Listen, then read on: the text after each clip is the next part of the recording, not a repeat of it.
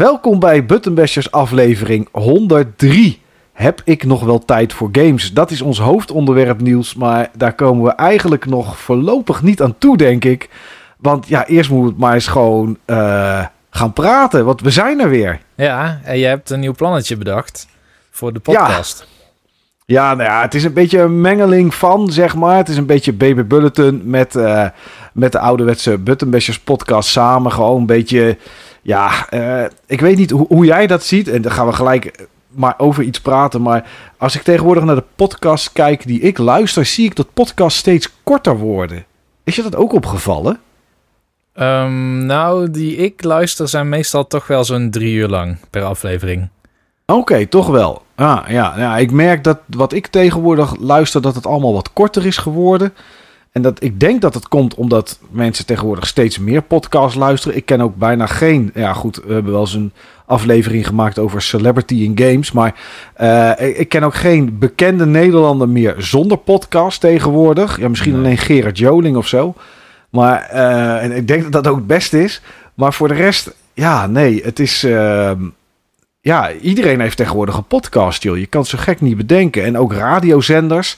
NPO 1, 2, 3 en weet ik wat allemaal. Iedereen heeft een podcast. Dus ja, uh, we hebben veel concurrentie nu, Niels. Ja, maar we waren er heel vroeg bij. Dat is wel mijn indruk. Dus ja, voor de grote ja. podcastgolf. Maar ik snap wel wat je bedoelt, hoor. Want ik had laatst dat ik... Uh, of laatst, dat is toen ik naar jou ging. Ik ben een tijdje ja. geleden bij jou langs geweest. Uh, en uh, toen was ik onderweg aan het luisteren naar wat op dat moment de laatste Praatje Podcast aflevering was. Volgens mij nog steeds, die met Benjamin. Oh ja, ja, ja, ja. En die raadde toen een paar podcasts aan die hij luistert. Meer van die narrative podcasts, verhaaltjes zeg maar. En die zijn ook heel kort. Ja. En eigenlijk ja, te allemaal, kort.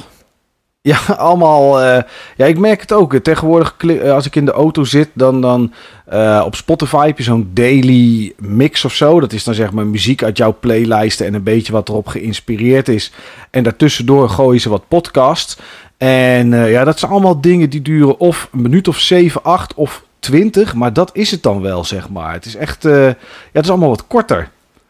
Dus nou ja, goed. Uh, dat is niet wat wij heel extreem gaan doen. We gaan niet naar heel extreem kort.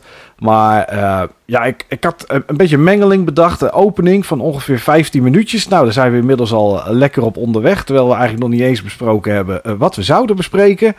Um, ja, een, het volgende onderdeel is het mooiste. Onbenoemde onderdeel.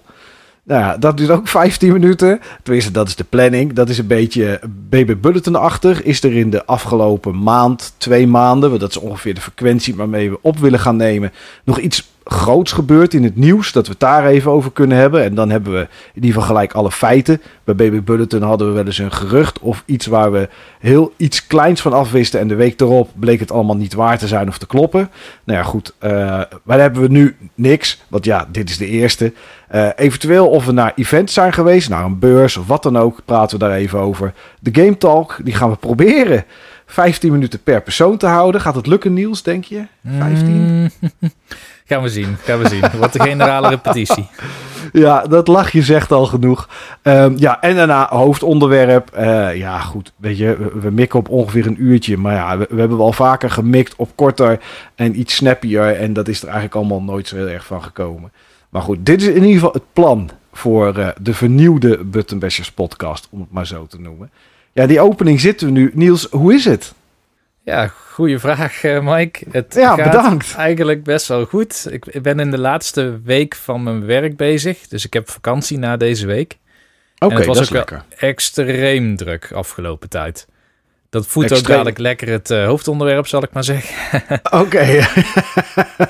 Nou ja, dat is ook een beetje waar het natuurlijk vandaan komt. Maar extreem druk op werk. Nou ja, goed, dat is niet iets nieuws. Hoe is het extreem druk met verhuizen? Of mm -hmm. is dat nog niet in gang gezet? Ja, dat ben ik heel goed aan het uitstellen.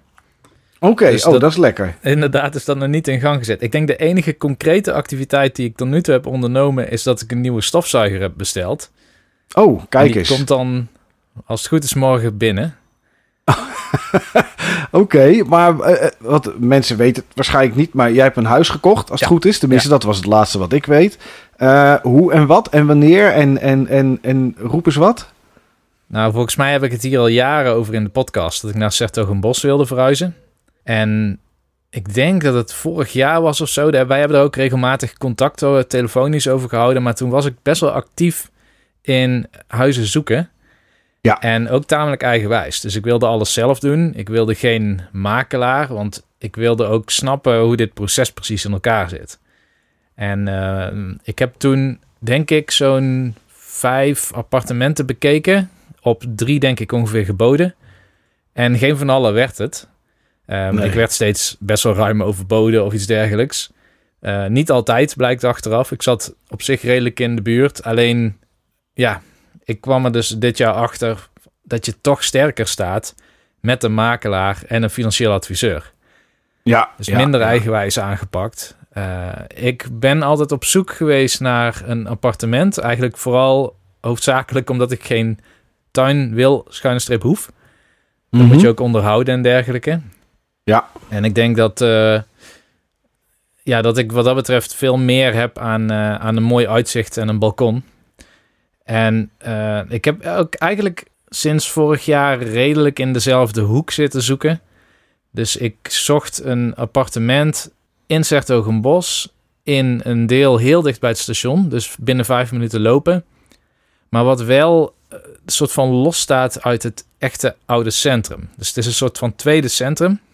Ja. En uh, voor reizen, voor mijn werk bedoel ik, heb ik heel veel dienstreizen gemaakt naar Japan, China, Korea, al die landen, zeg maar. En er zijn bepaalde dingen die ik daar altijd heel prettig vind. En ik vond eigenlijk die esthetiek daar in Den Bosch ook.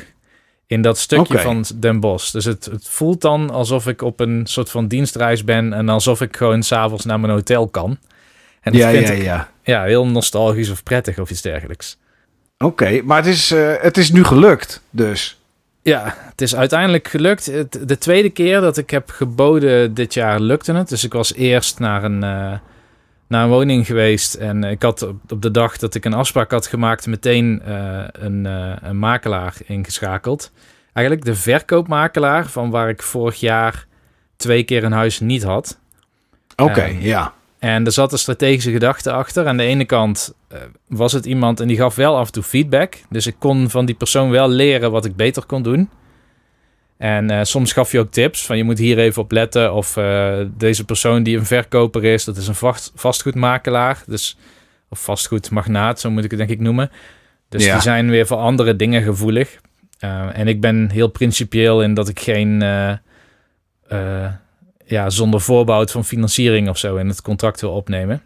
Mm Dus hij probeerde ook te helpen met, ja, hoe pak je dat dan aan? Weet je, als je dit niet doet, wat juist heel aantrekkelijk is voor een verkoper, welke andere middelen heb je dan nog, et cetera. En de andere gedachte erbij was dat stel dat ik met die makelaar aan het zoeken was en het zou een paar keer niet lukken, maar hij krijgt dan een huis in de verkoop, waar die natuurlijk niet mij mag vertegenwoordigen als uh, aankoopmakelaar, maar, maar die wij wel kent, en ja. ook weet wat ik te besteden heb en hoe serieus het is en wat mijn wensen zijn en hoe ik naar dingen kijk. Dan dacht ik van ja, dan heb ik misschien ook via die route meer kans. Ja, ja, ja. Dus dat heb ik gedaan. Eerste woning bezocht. Uh, was een hele mooie woning uh, op de begane grond van een appartementencomplex waar ik al sinds vorig jaar aan het kijken was. Uh, die was interessant, want die had twee tuinen. één op het zuiden en één op het westen.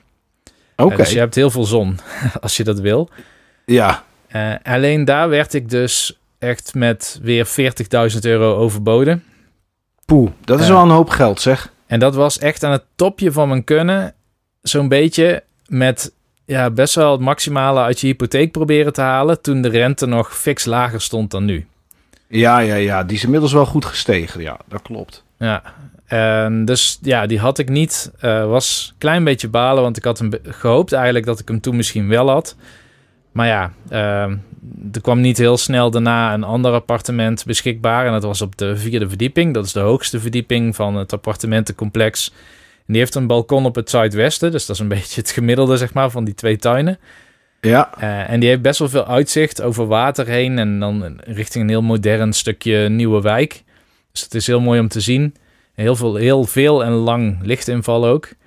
En ja, daar was ik geweest. Op, ook weer op bezoek. Ik had uh, een mail gekregen van de verkoopmakelaars. En dat, die waren dezelfde verkoopmakelaars als van dat andere uh, appartement dat ik had bezocht. Mhm. En dan krijg je soms een heads-up als je inschrijft of iets dergelijks. En ja, kennelijk ja, was ik ingeschreven. Ehm, maar dat was wel fijn, dus ik kon meteen zeggen van ik wil graag een uh, bezichtiging. Nou, dat kon maar op één van de twee dagen. Dat is modern nu, hè. Je hebt twee bezichtigingsdagen. En dan is het gewoon één bot uitdragen. En dan hoor je of dat je het wel of niet hebt. Er is geen ja. opbieden, onderhandeling of zo. Dit nee, nee het, het, huis moet je gegund worden, hè? Ja, ja. ja verkoop op inschrijving of zo noemen ze het, geloof ik. Ja, zoiets, ja. Ja, dus um, bij dit appartement, ik heb meteen het allereerste slot gekregen om te bezoeken. Er was ook, ik moest daarna werken. Ik had een super drukke week. Komt mij heel erg ongelegen om huizen te zoeken. Maar ja, ben toch maar gegaan en de, de aankoopmakelaar ging mee. En het was in een hele andere staat dan alle andere appartementen die ik tot nu toe heb bezocht. Minder moet ik daarbij zeggen, hè? dus ik moet straks wel veel gaan doen. Mhm. Maar het was wel de inrichting exact zoals ik die zou willen. Qua de indeling bedoel je, zeg maar. Oh, sorry, de indeling inderdaad, ja. Ja, ja, ja, ja, ja. En toen zei de makelaar dat hij het weekend op vakantie zou gaan. Dus bij voorkeur zou hij die dag nog, als ik dat wilde, uh, een bod uitdragen namens mij. En we hebben even na zitten denken. Je krijgt dan, ik weet niet of je dat kent, maar dat deed deze makelaar wel. Dan krijg je zo'n deep learning voorspellingsrapportage van wat het zou moeten gaan kosten en wat de marktwaarde is van het appartement waar je op biedt. Ja, dan gaan ze, gaan ze inderdaad bij websites kijken aan de achterkant van wat is er in de buurt verkocht met, de, met dezelfde grootte. Wat, wat doen de huizen in de buurt nu, uh, historisch gezien van een jaar geleden en uh, nou ja, dat soort dingen. En dan krijg je inderdaad van ja, dit huis zou nu op de markt ongeveer bedrag X, Y, Z waard zijn. Ja, ja. Ja, ja, nou, ja. En uh, ik heb denk ik uiteindelijk ongeveer 10.000 euro boven dat bedrag geboden. Dat is mhm. hoger dan ik persoonlijk in eerste instantie wilde. Maar de aankoopmakelaar die gaf aan dat dat naar zijn inschatting wel een heel goed bedrag zou zijn. Oké, ja. Maar ik heb uiteindelijk het advies van hem gevolgd. Want ja, dadelijk heb je niet, weet je wel, op, op je pinnigheid met je paar duizend euro. Ja, ja, ja. En je hebt die kerel niet voor niks in arm genomen natuurlijk. Nee, ja, je moet wel vertrouwen op de professionals die je inhuurt. Ja, ja. Dat heb ik ook gedaan. Dus die zei ook van ja, en ik wil nu dat je een, uh, een financieel adviseur. Ja, dat was natuurlijk wel mijn keuze. Maar zei dan probeer bijvoorbeeld die financieel adviseur. Die is heel goed, die reageert snel. En die kan met jou alle scenario's doorrekenen en kijken wat de beste hypotheek voor je zou zijn. Maar die kan ook bij jouw bod een brief sturen waarin staat: We hebben alles doorgerekend. Dus dan heb je geen. Uh, uh, of dan hoef je niet uh, je voorbouw voor financiering weg te laten.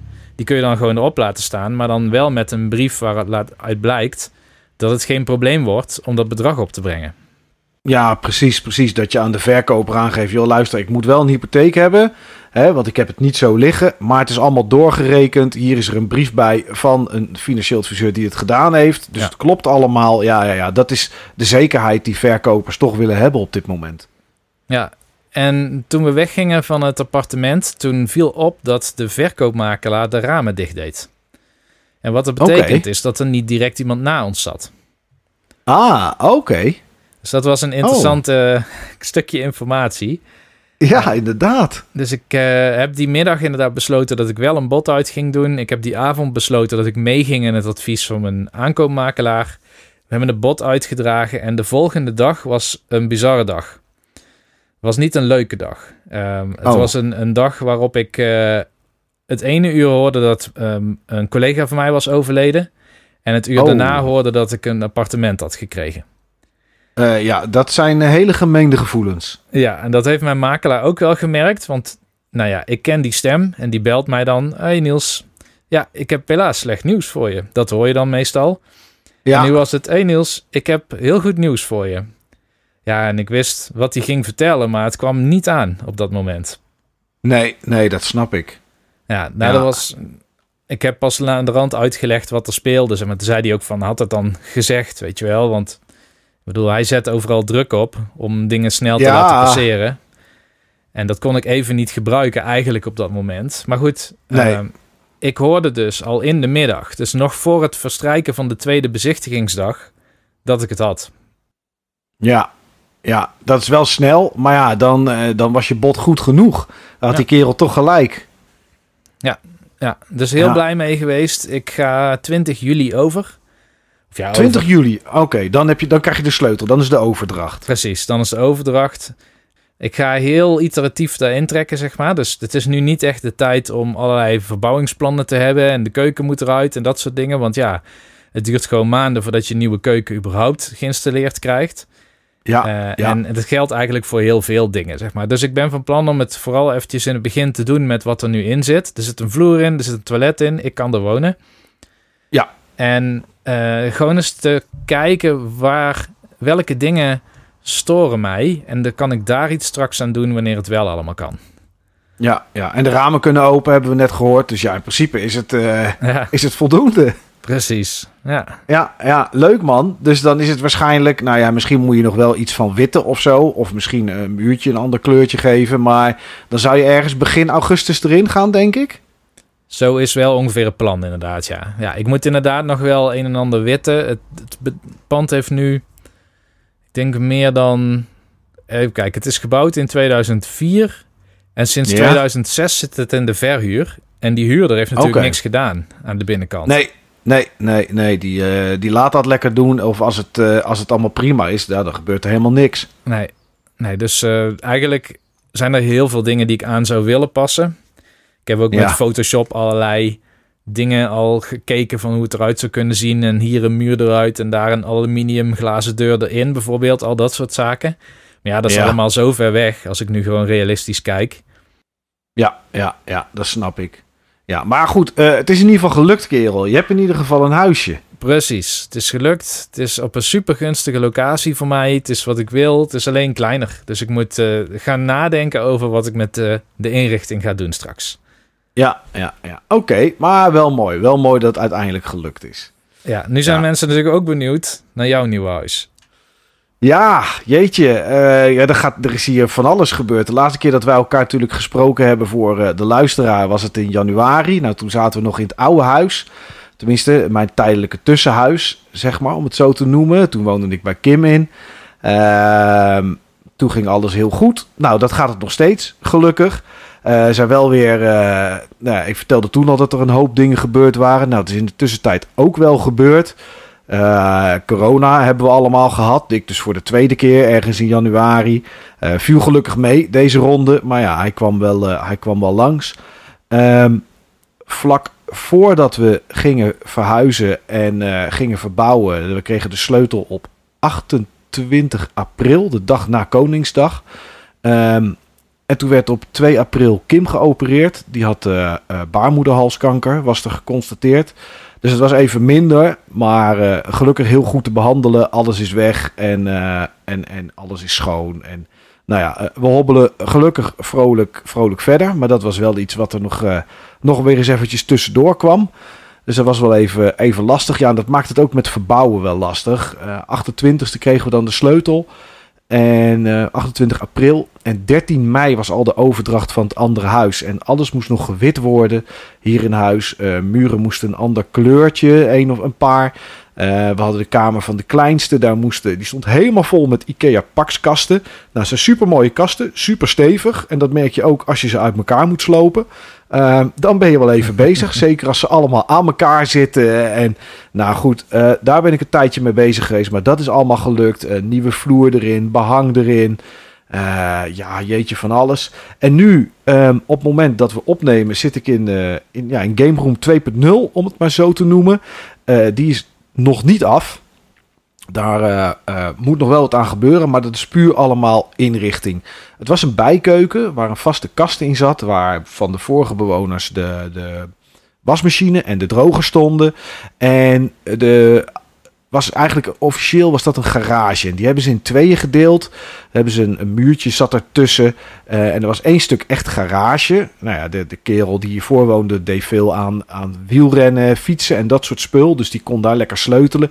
En dan een stukje bijkeuken waar dan wasmachine droger er stond en een beetje opslag. Nou, wat wij hebben laten doen, en we waren blij dat we snel iemand konden vinden. Want dat is, uh, nou goed, uh, jij weet het nu ook Niels. Het is heel moeilijk om überhaupt mensen te vinden waar het dan ook voor is. En uh, nou ja, die, uh, die heeft dat muurtje ertussenuit, uh, ertussenuit gesloopt. Die heeft alles geïsoleerd met het hoogst, meest hoogwaardige isolatiemateriaal dat er is. er zijn overal, overal gipsplaten voor gezet. En daarachter heeft hij, ik weet niet eens meer hoe het heet, maar een soort houtconstructie zit erachter. Niet waar je normaal de latten, waar je normaal de gipsplaten op doet, maar houten plaat erachter, zodat je dingen aan de muur kan hangen. Daarna is het gestuukt ik heb het uh, voorgestreken, ik heb het gewit. Uh, er zitten spotjes in. Normaal gesproken zitten er, want dan ging je kijken. Hij zegt er van ja, wat wil je met lampen? Ja, ik wil gewoon licht. Ja, maar wat is je lichtplan? En denk je, jeetje, ja, weet ik veel ik moet in één keer een lichtplan gaan maken. Ik heb nog nooit zo'n ruimte laten verbouwen, zeg maar. Dus ja, ik weet het niet. Ik zeg, ik ga wel kijken. Ik denk, nou, ik wil in ieder geval spotjes en ik wil Philips Hue lampen. Dat ik in ieder geval kleurtjes kan doen of dat ik het makkelijk kan dimmen met mijn telefoon. Ja, uh, hoeveel spotjes moet je dan in een ruimte doen van 16 vierkante meter? Nou ja, uh, Google is je vriend bij dat soort dingen. En toen kwam ik tegen dat ze in een woonkamer van 30 vierkante meter doen ze gemiddeld 16 spotjes. Uh, nou goed, dit is dus een ruimte van 16 vierkante meters, ongeveer de helft. Ik heb er 8. Dus uh, het is echt heel veel. Ik heb heel veel licht hier. Maar dat is wel mooi. Want uh, ja, ze zijn per stuk, eigenlijk per plekje is het te dimmen. En uh, inmiddels staat mijn bureau hier, mijn werkbureau. Dus ik zit hier om te werken. Wat ik dan tegenwoordig ook doe op mijn PC waar ik op game. mijn dressoir staat er. Tele, televisie staat er. Uh, met daaraan Xbox, uh, nou noem het allemaal maar op. Amiga Mini is in de tussentijd binnengekomen, die is er ook op aangesloten.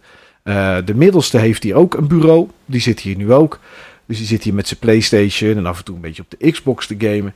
Dus ja, het begint redelijk af te komen eigenlijk, het huis. Mm we, hebben we hebben airco's laten installeren, daar zijn we heel erg blij mee, moet ik zeggen. Zeker met de hitte die, het is nu 13 juli of zo, of 12 juli, ik weet niet meer precies. Maar de komende dagen wordt het uh, erg warm.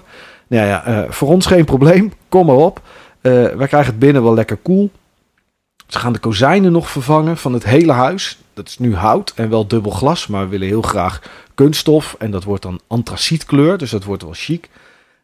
dat gaat nog gebeuren. De wc is gedaan, want die was ouder, zeg maar. Dat was het enige dat de vorige bewoners nog moesten doen. Dus die is gedaan. Ja, en dan zit er nog één ding uh, bij wat wij gaan doen. En dat is trouwen. Ja, gefeliciteerd. Ik zag het op Facebook. Ja, ja, dat klopt inderdaad. Ik heb Kim ten huwelijk gevraagd. Um, ja, sommige mensen weten het, maar Kim en ik hebben al eerder een keer een relatie gehad. Uh, Zo'n 15 jaar geleden. En toen heb ik er ook ten huwelijk gevraagd. Nou ja, dat is toen voor de rest is die relatie stuk gelopen. Uh, dus ik vond eigenlijk dat die, nou ja, dat aanzoek dat het nog stond. Zij vond van niet. Oké. Um, ik denk, ja, ik heb het ooit al eens gevraagd. Dan is dat toch nog wel geldig. Nou, dat was dus blijkbaar niet zo. Dus um, ja, ik heb dat gedaan uh, drie weken geleden nu, denk ik.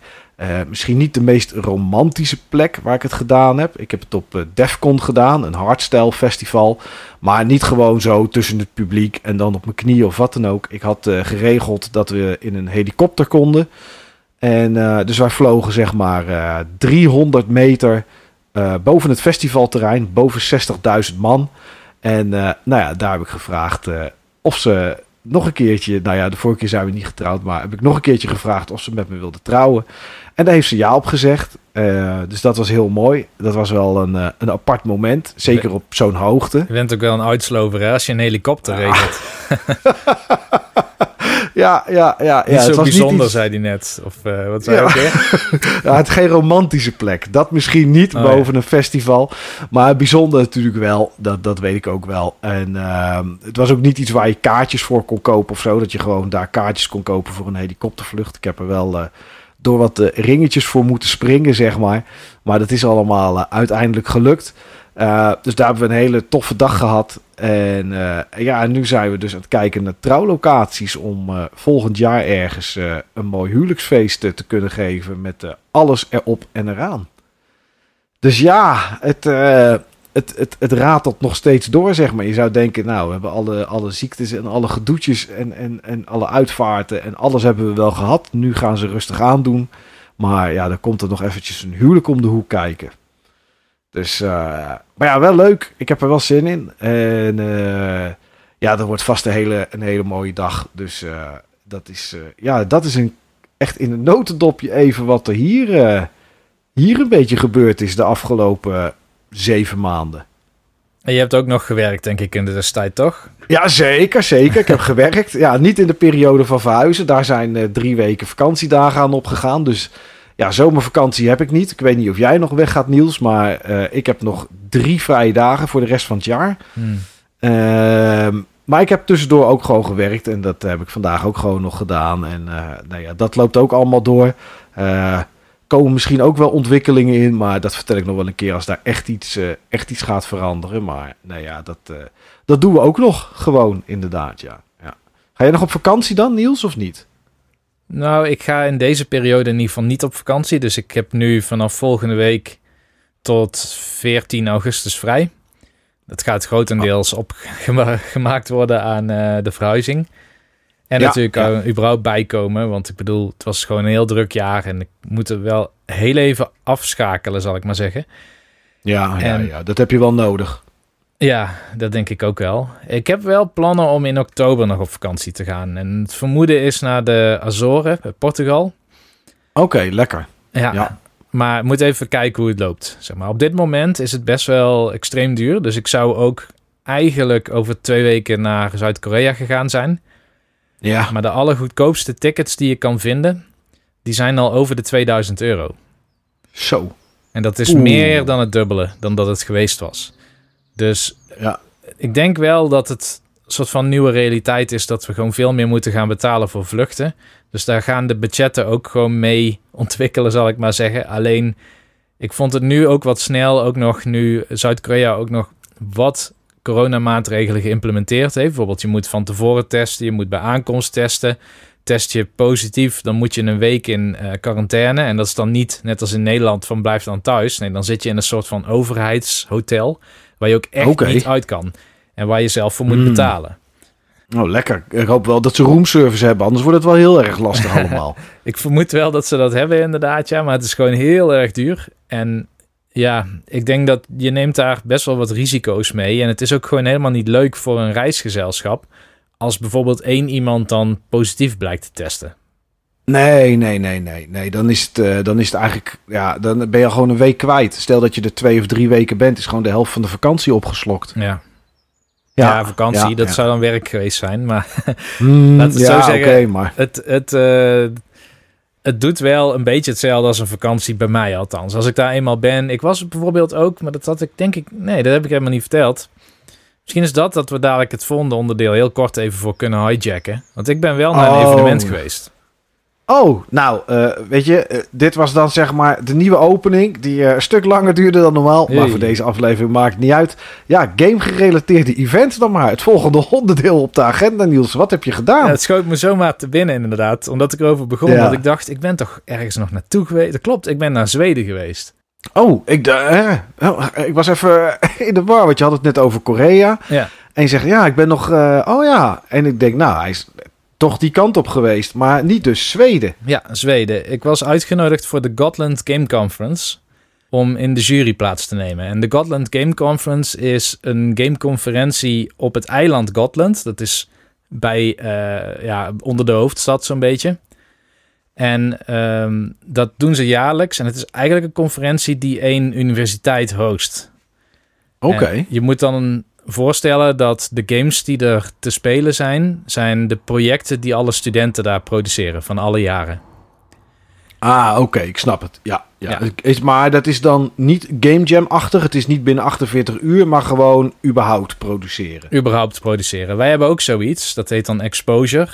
Een Exposure is een afstudeerfestival. Dus alle afstudeerders die presenteren dan de projecten en die staan dan te spelen, zeg maar, van de afgelopen zes maanden. Alleen zij doen dat dus voor alle jaren. Dus voor jaar 1, 2, 3 en hun masterjaar.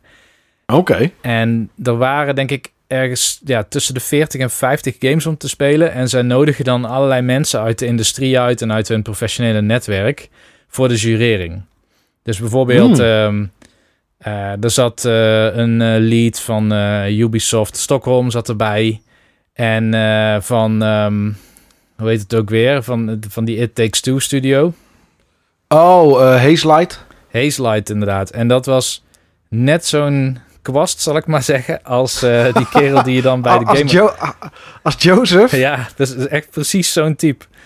Ja, okay. Ik zal dadelijk iets meer uh, de diepte induiken, zeg maar, over mijn interactie met dat persoon. Maar dat, uh, dat was wel heel erg grappig. Maar het, het, laat het zo zeggen. Ik ga eerst iets vertellen over het festival zelf.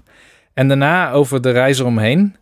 Want dat... Oké, voordat je dat gaat doen, hè, is het dan een eer, Niels, als je daarvoor gevraagd wordt, zeg maar? Niet voor jou persoonlijk, maar um, um, is dat iets van, weet je, als je daarvoor gevraagd wordt en, en anderen horen dat ze zeggen, oh oké, weet je, is dat zoiets of is het gewoon heel casual?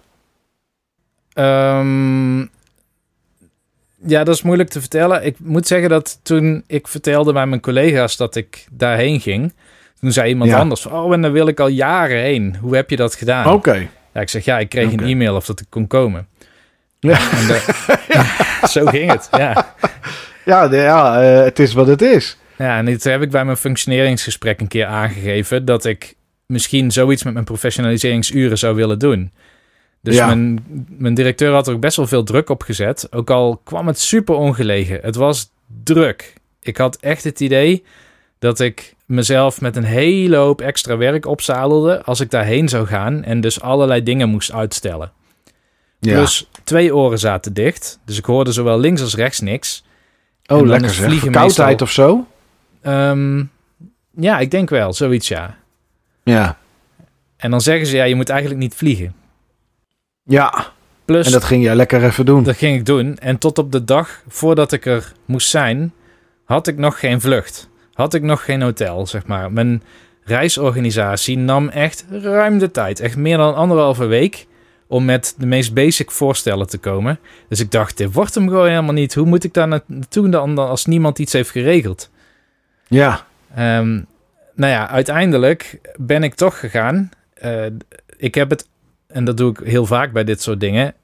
Als ik zelf het moeilijk vind om de keuze te maken, omdat ik met een dilemma zit, dan zorg ik ervoor dat een andere zeg maar, externe factor de keuze afdwingt. En nu was het dus dat ik tegen het reisbureau had gezegd: als je niet voor drie uur iets hebt geregeld, dan annuleer ik alles. Nou, toen werd het ja. meteen geregeld. Oké, toch wel. Toen ben ik ook maar gegaan. Ja, nee, ja, dan moet je wel, Niels. Dan kan je niet meer niet gaan. Ja, nou ja, de, de reis aan zich. Het is heel lastig om vanuit um, zeg maar Zuid-Nederland naar uh, Gotland te komen. Want Gotland is een eiland en er zijn bij mijn weten geen directe vluchten naar dat eiland vanaf bijvoorbeeld Schiphol. Dus je moet eerst naar Stockholm vliegen. Oké. Dan heb je vanuit Stockholm de opties om daar naar een andere luchthaven te gaan, waarmee je vervolgens naar het eiland vliegt. Of je gaat naar het zuiden rijden met de bus of met de auto of zo, en dan ga je daar met de pont naar het eiland. Ah, ja, ja, ja. Nou, omdat we zo laat waren met boeken, was de pont sowieso uitverkocht. Dus dat was al überhaupt geen optie meer. Er was nog één plekje, heel erg s'avonds laat. En dan had ik zo'n plan gekregen van mijn reisorganisatie van... Uh, vlieg om zes uur s'avonds, dan land je om...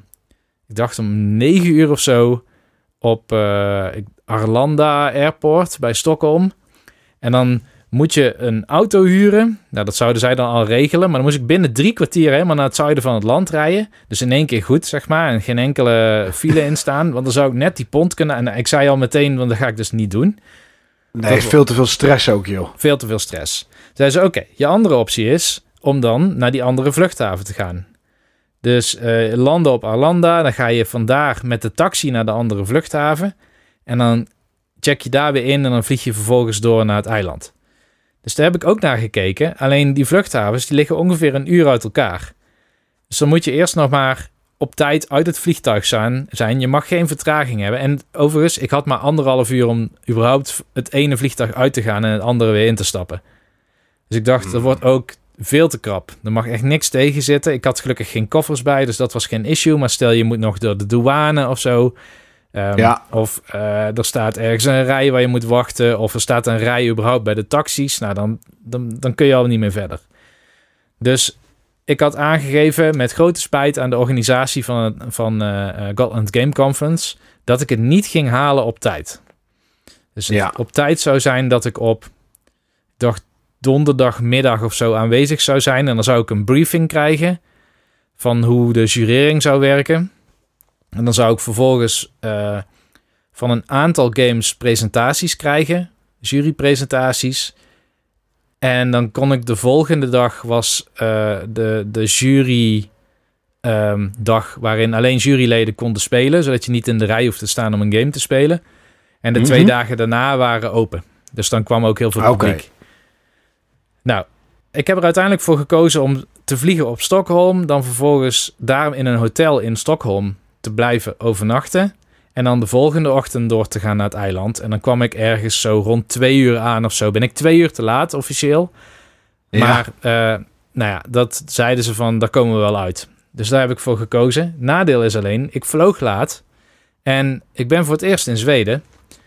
Ja. En nou ja, restaurants zijn gewoon om tien uur al dicht. Dus voordat ik überhaupt in Stockholm was, in de buurt van mijn hotel, kon ik nergens meer eten. Supermarkten waren dicht. Barretjes waren weliswaar open, maar waren dicht aan het gaan.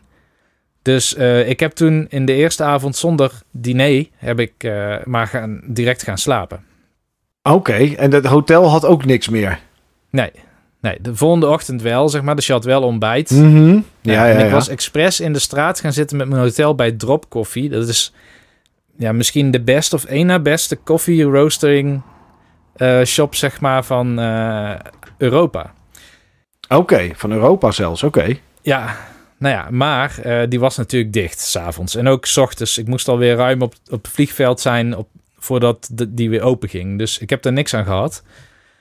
Uh, dus... je, hebt er naar, je hebt er naar kunnen kijken, Niels. Ja, ik heb er naar kunnen kijken en daar is alles mee gezegd. Dus de volgende ochtend, ik met de bus weer terug naar de airport. Daar vliegtuig gestapt, naar het eiland. Daar hadden ze iemand met een taxi gestuurd. Dus er stond zo'n mannetje met zo'n bordje, weet je wel, dat hij op mij aan het wachten was. Dus dat was goed geregeld. Nou, die zet mij af bij de universiteit. Die wist ook waar ik voor kwam. Um, maar ja, iedereen was natuurlijk al uh, richting de zalen waar de presentaties voor de juries aan de gang waren. En ik had alleen maar een mailtje van: hey, welkom. En we zijn dan, uh, als het goed is, als we bij aankomst zitten we in deze ruimte. Maar ja, ik was alweer een uur vertraagd met mijn vlucht. Dus ze zaten dan niet meer in de ruimte die ik had doorgekregen. Dus ik ben maar door die school gaan ronddwalen totdat ik uh, een kamer vond waar inderdaad presentaties over games werden gegeven. Dus ik dacht, hier ga ik bij zitten. En daar kon ik dan op EduRoam, dat is dan uh, een, een wifi-netwerk voor alle uh, educatieve instellingen. Ja. En dan, ik kan dan bijvoorbeeld in Oostenrijk ook op de wifi en in Duitsland. Maakt niet uit waar ik ben. Ik kan overal op de wifi met mijn wachtwoorden van mijn school. Ja, ja, ja, ja, dat ken ik van de gemeentes. Die hebben dan GovRoam van Government Roam. En dan kan je inderdaad bij elke gemeente in, uh, in Nederland... kan je gewoon, als je ergens, ergens op wifi zit... kan je daar er ook op, inderdaad. Ja. Ja. ja, super handig. Dus ik zat in die zaal en ik ging meteen, ik deed mijn laptop open. Ik ging meteen naar Facebook, want dat was waar zeg maar, de gegevens over de jurering werden gedeeld. En ik gaf daar aan in een chat bij de organisatie van ik ben er, ik zit nu hier. En toen zei ze, oh, je zit helemaal verkeerd. Maar dat geeft niks. Ik stuur wel, wel iemand. bij games, maar niet bij het juiste. Ja, precies. Ja, er waren schijnbaar zes zalen met presentaties. En ik moest in een andere ah. zaal zitten. Dus er kwam inderdaad iemand aan en die had een badge en die had uh, een boekje met en een kaart van hier staan alle games. En, en, nou ja, die heeft mij naar de juiste plek gebracht en toen kon ik nog een beetje serieus meedoen met jureren. Dus ik heb denk ik de eerste presentatie gemist. En de tweede kwam ik bij zitten. En het enige wat ik hoefde te doen is af en toe ergens een vraag over stellen. Um, om te, bijvoorbeeld, heb je hieraan gedacht om het op deze manier te ontwerpen? Of op, er waren ook wat arcade-achtige games, zeg maar. En dan kon ik over mm -hmm. robuustheid vragen stellen. Of over hoe de techniek was. Om ervoor te zorgen dat het niet de derde keer dat iemand het speelt, dat het al meteen breekt. Zeg maar dat soort dingen. Nou, dat was in ieder geval hartstikke leuk op zich. En s'avonds toen uh, zouden we nog even met de hele jury samenkomen om de volgende dag door te spreken. En uh, toen zeiden de meeste juryleden van, nou ja, we gaan nog even dit doen of we gaan nog even dat doen in de stad. Maar ik dacht, ik wil wel weten waar mijn hotel onderhand is. Want ik heb uh, gisteren niks gegeten. Ik heb weliswaar ontbeten, maar ik heb lunch ook geskipt. En nu Jezus. heb ik honger. ja, dan heb je wat trek, kerel. Ja, dus ik ging niet mee met de rest. Ik dacht, ik ga naar mijn hotel en ik kijk gewoon wat er te eten is. Of desnoods is er in de buurt wel iets. Nou, ja. ik denk dat het een uur of negen geweest zou zijn. En ik, uh, ik had een mail geopend en ze hadden uh, voor mij eh, omdat ik was aangeraden door iemand die heel belangrijk was in de organisatie, hadden ze voor mij een eh, hotel op een resort geregeld. Oké, kijk, dat klinkt goed. Juist, het heette Knijpbin.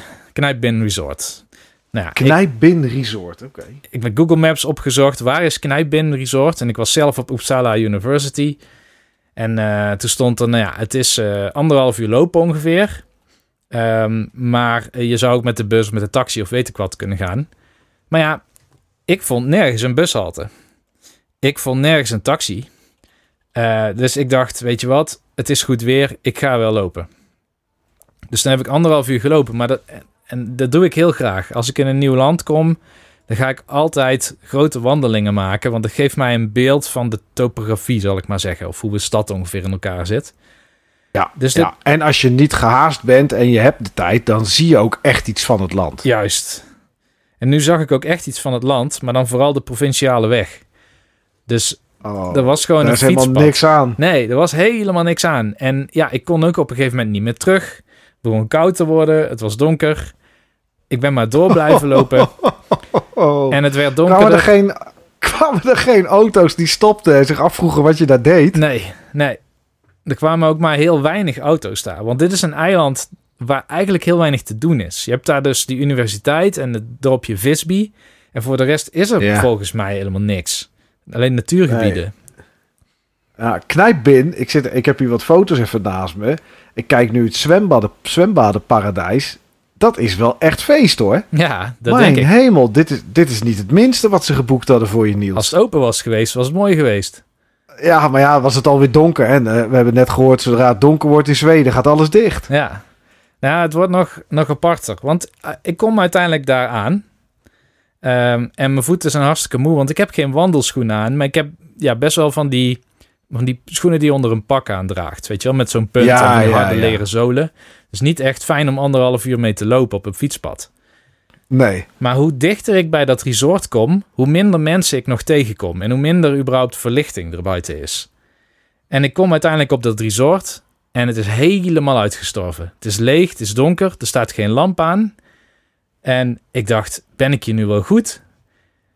Dus ik liep verder dat resort op en dan heb je net als bij de Efteling heb je zo'n grote kaart, weet je wel, van hier is de Fata Morgana en daar is de Oh ja, ja, ja, ja. Zo'n plattegrond met zo'n rode stip met uh, You Are Here. Ja, dus ik dacht, nou ja, waar is het uh, hotel? Ja. En ik zie inderdaad dat uh, er, is, er is een soort van, er is een camping, er zijn chaletjes en er is een hotel en een restaurant. Dus ik dacht, ik ga naar het hotel. Maar het hotel was gewoon compleet donker. Was gewoon helemaal niks. Oké. Okay. Toen dacht ik, nou, dan ga ik misschien dat restaurant eens proberen. Helemaal donker. Toen dacht ik... en hoe laat was het inmiddels, Niels? Ja, half elf, zoiets. Half elf, ja. Oh, mijn hemel. Ja, en ik kom natuurlijk helemaal geen ziel tegen. Uh, nee. En uh, ik, dus ik loop terug naar die kaart en ik uh, check op mijn telefoon van... Is er misschien nog een knijpbin? Nee, dit was de enige knijp. Er was een familieknijpbin, maar niet een locatie of oh, een hotel. Dus ik dacht, oké, okay, het moet wel hier zijn. En ik kijk nog eens in de informatie die ik heb gekregen. En er stond, nee, echt, we hebben een kamer voor je gereserveerd. Vanaf uh, de donderdag op Knijpbeen Resort. Ja. En toen vond ik een bijlage en daar stond erin... Oh ja, by the way, als je erbij bent, als je eenmaal bent, dan zijn we gesloten. Maar als je naar de receptie loopt en je gaat om de hoek... dan zitten daar kluisjes en daar kun je je sleutel uit ophalen. Oh, oké. Okay. Ja, dus ik uh, ging terug naar die kaart. Waar is de receptie? Oh, daar is de receptie. En inderdaad, sure enough, um, als ik daar om de hoek ging, dan waren er kluisjes. Maar dan niet van die kluisjes waar je rugzak in doet, maar dan meer van die brievenbuskluisjes, zeg maar. Ja, ja, ja. Van die kleine, kleine platte, dunne, dunne kluisjes. Ja. ja. En in uh, de mail stond, je code is 134 en afsluiten met een hekje. Dus uh, ja. ik zie zo'n padlock, 1, 3, 4 hekje, gebeurt niks. Oké. Okay. 1, 3, 4 sterretje dan, doet ook niks. 1, 4, 3 dan, hebben ze het verkeerd opgeschreven. Nou ja, die combinaties.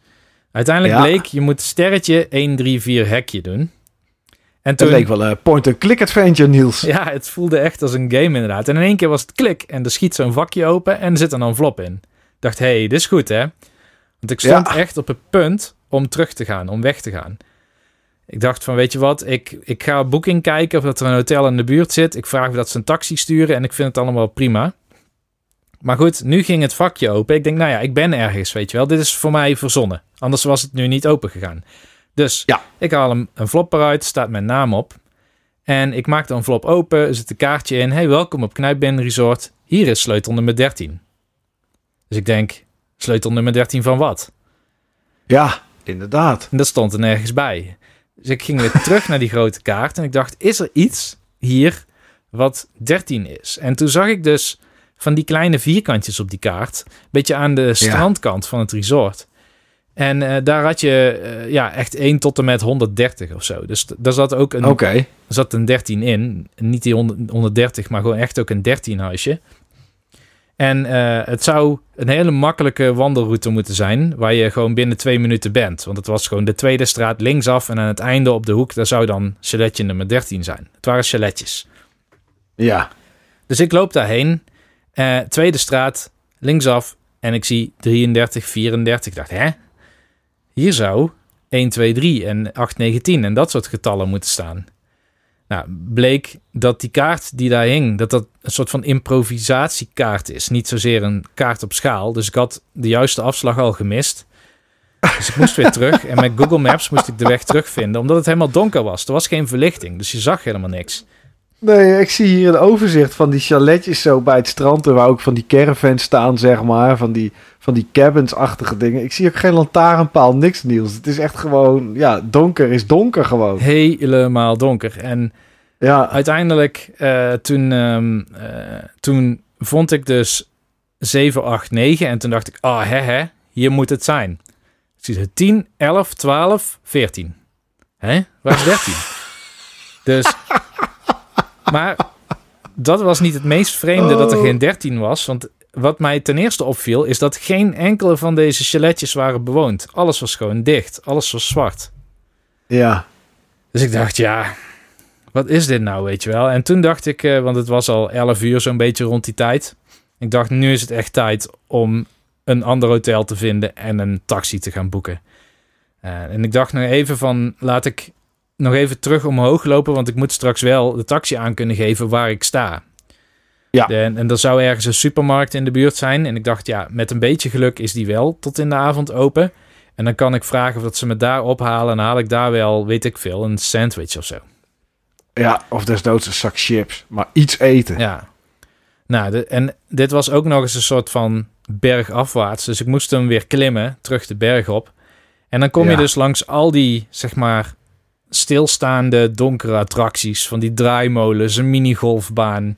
Een uh, soort woeste glijbaan. Zo'n schip, net als de Efteling, weet je wel, wat dan kan bewegen. Oh ja, zo'n schommelschip. Ja, maar alles natuurlijk in het donker. Je kan maar heel moeilijk ontwaren wat het is. En dan heb je ook nog van die animatronics. En dan denk je, hé, hey, daar zit een vrouw, weet je wel. Oh nee, het is, het is maar een pop. ja. Als zolang ze niet bewegen, is het te doen. En ergens dacht ik op dat moment van ja, dit is heel stom. En als iemand anders bij mij was geweest, hadden we meteen al lang geleden een andere beslissing genomen. Maar wat dan wel grappig is bij mij, is dat het idee dat hier een interessant verhaal uit ontstaat, is voor mij genoeg om gewoon toch maar daar te blijven en me verder te ja, verontwaardigen over wat er aan de hand is en dingen uit te proberen. En ik dacht, ja, ik heb wel een sleutel, weet je wel. Dus er is iets. Uh, ja, dat moet wel. Maar goed, ik was toen even vastberaden om gewoon via Booking dan weer een nieuw hotel te boeken en een, en een taxi te sturen. Ik moest alleen terugklimmen naar die, uh, die supermarkt. En uh, toen kwam ik voorbij het restaurant en ik keek nog even binnen. Ik dacht, nou, hier zijn al echt al maanden, zo niet jaren, mensen nog binnen geweest. Dus ik denk dat, uh, dat, dat, dat hier misschien wel iets is, maar niet hier. Misschien is een ander hotel nog in de buurt. Maar ja, ik dacht, ik geef dat op. Ik liep nog heel even langs het hotel dat dan ook echt Knijpben Resort heette. En toen ging zo'n proximity lamp aan. Dus uh, ik dacht, oké, nou ja, dat is interessant. Het is het eerste lampje wat ik zie in uh, ja. afgelopen uur. Uh, maar het was natuurlijk helemaal donker binnen verder. En het was op slot. Maar ik dacht, ah, toch eens die sleutel uitproberen. En mijn rempel, met die sleutel maak ik de voordeur van het hele hotel open. Je was gewoon hoteleigenaar in één keer. Ja, ja, en daarbinnen is dus helemaal niemand om jou op te wachten. Er is geen lobby of iets. Maar ik kon wel naar binnen. En het was gewoon steenkoud, want de, de verwarming had al lang niet meer aangestaan. Maar goed, ik was ergens binnen met een sleutel die ik heb gekregen waar mijn naam op stond. Dus, Ja. nou, so far so good. Ik dacht, nou ja, interessant. Ik ga toch maar dit eh, traject volgen. En eh, toen eh, liep ik een gang in. Daar heb je kamer nummer 13. En ik draai de sleutel om en warempel ook die deur gaat weer open. En daar ligt weer een envelop voor Niels. Ik ben weer goed, weet je wel. Dit is bedoeld. Jeetje.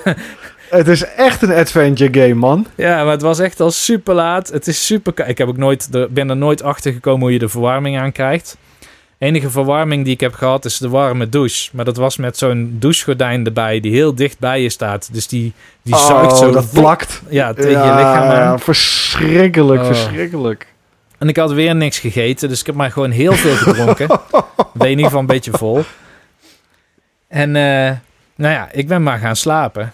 En ik dacht al, de volgende ochtend, eh, dit wordt een avontuur, want ik moet wel weer terug. En het was anderhalf uur Ja. lopen. Eh, maar goed, ik dacht misschien kan ik via Facebook wel iemand vragen om een taxi voor mij te sturen. Ik, dus ik ontwaak de volgende ochtend, ik denk om een uur of zeven of zo, want ik moest om negen uur weer op bij de universiteit zijn. En ik doe de gordijnen open en ik zie in de verte iemand lopen. Oké. Dus ik dacht, ik ga erachteraan. Eh en, maar wel op een afstandje en een beetje James Bond-achtig, zeg maar. Dus niet dat hij mij Ja. ziet. Want misschien is er wel iemand die denkt van, wat doe jij hier? Je mag helemaal niet komen. Nee, ja, als alles zo dicht is inderdaad. Nou ja, die persoon die loopt op zijn gemak over een verlaten parkeerplaats heen richting dat restaurant. Wat ik de vorige dag heb gezien, waarvan ik dacht, hier is nog nooit iemand geweest in de afgelopen maanden. En eh, hij doet dood, doodleuk zonder sleutel de voordeur open en loopt naar binnen. Dus ik dacht, ik ga erachteraan. En ik Ja. doe de deur daar open en er zitten mensen te eten. Dus het resort Echt? is leeg. Er woont niemand. Maar het is een soort van buurthuis of zo, waar mensen kunnen ontbijten.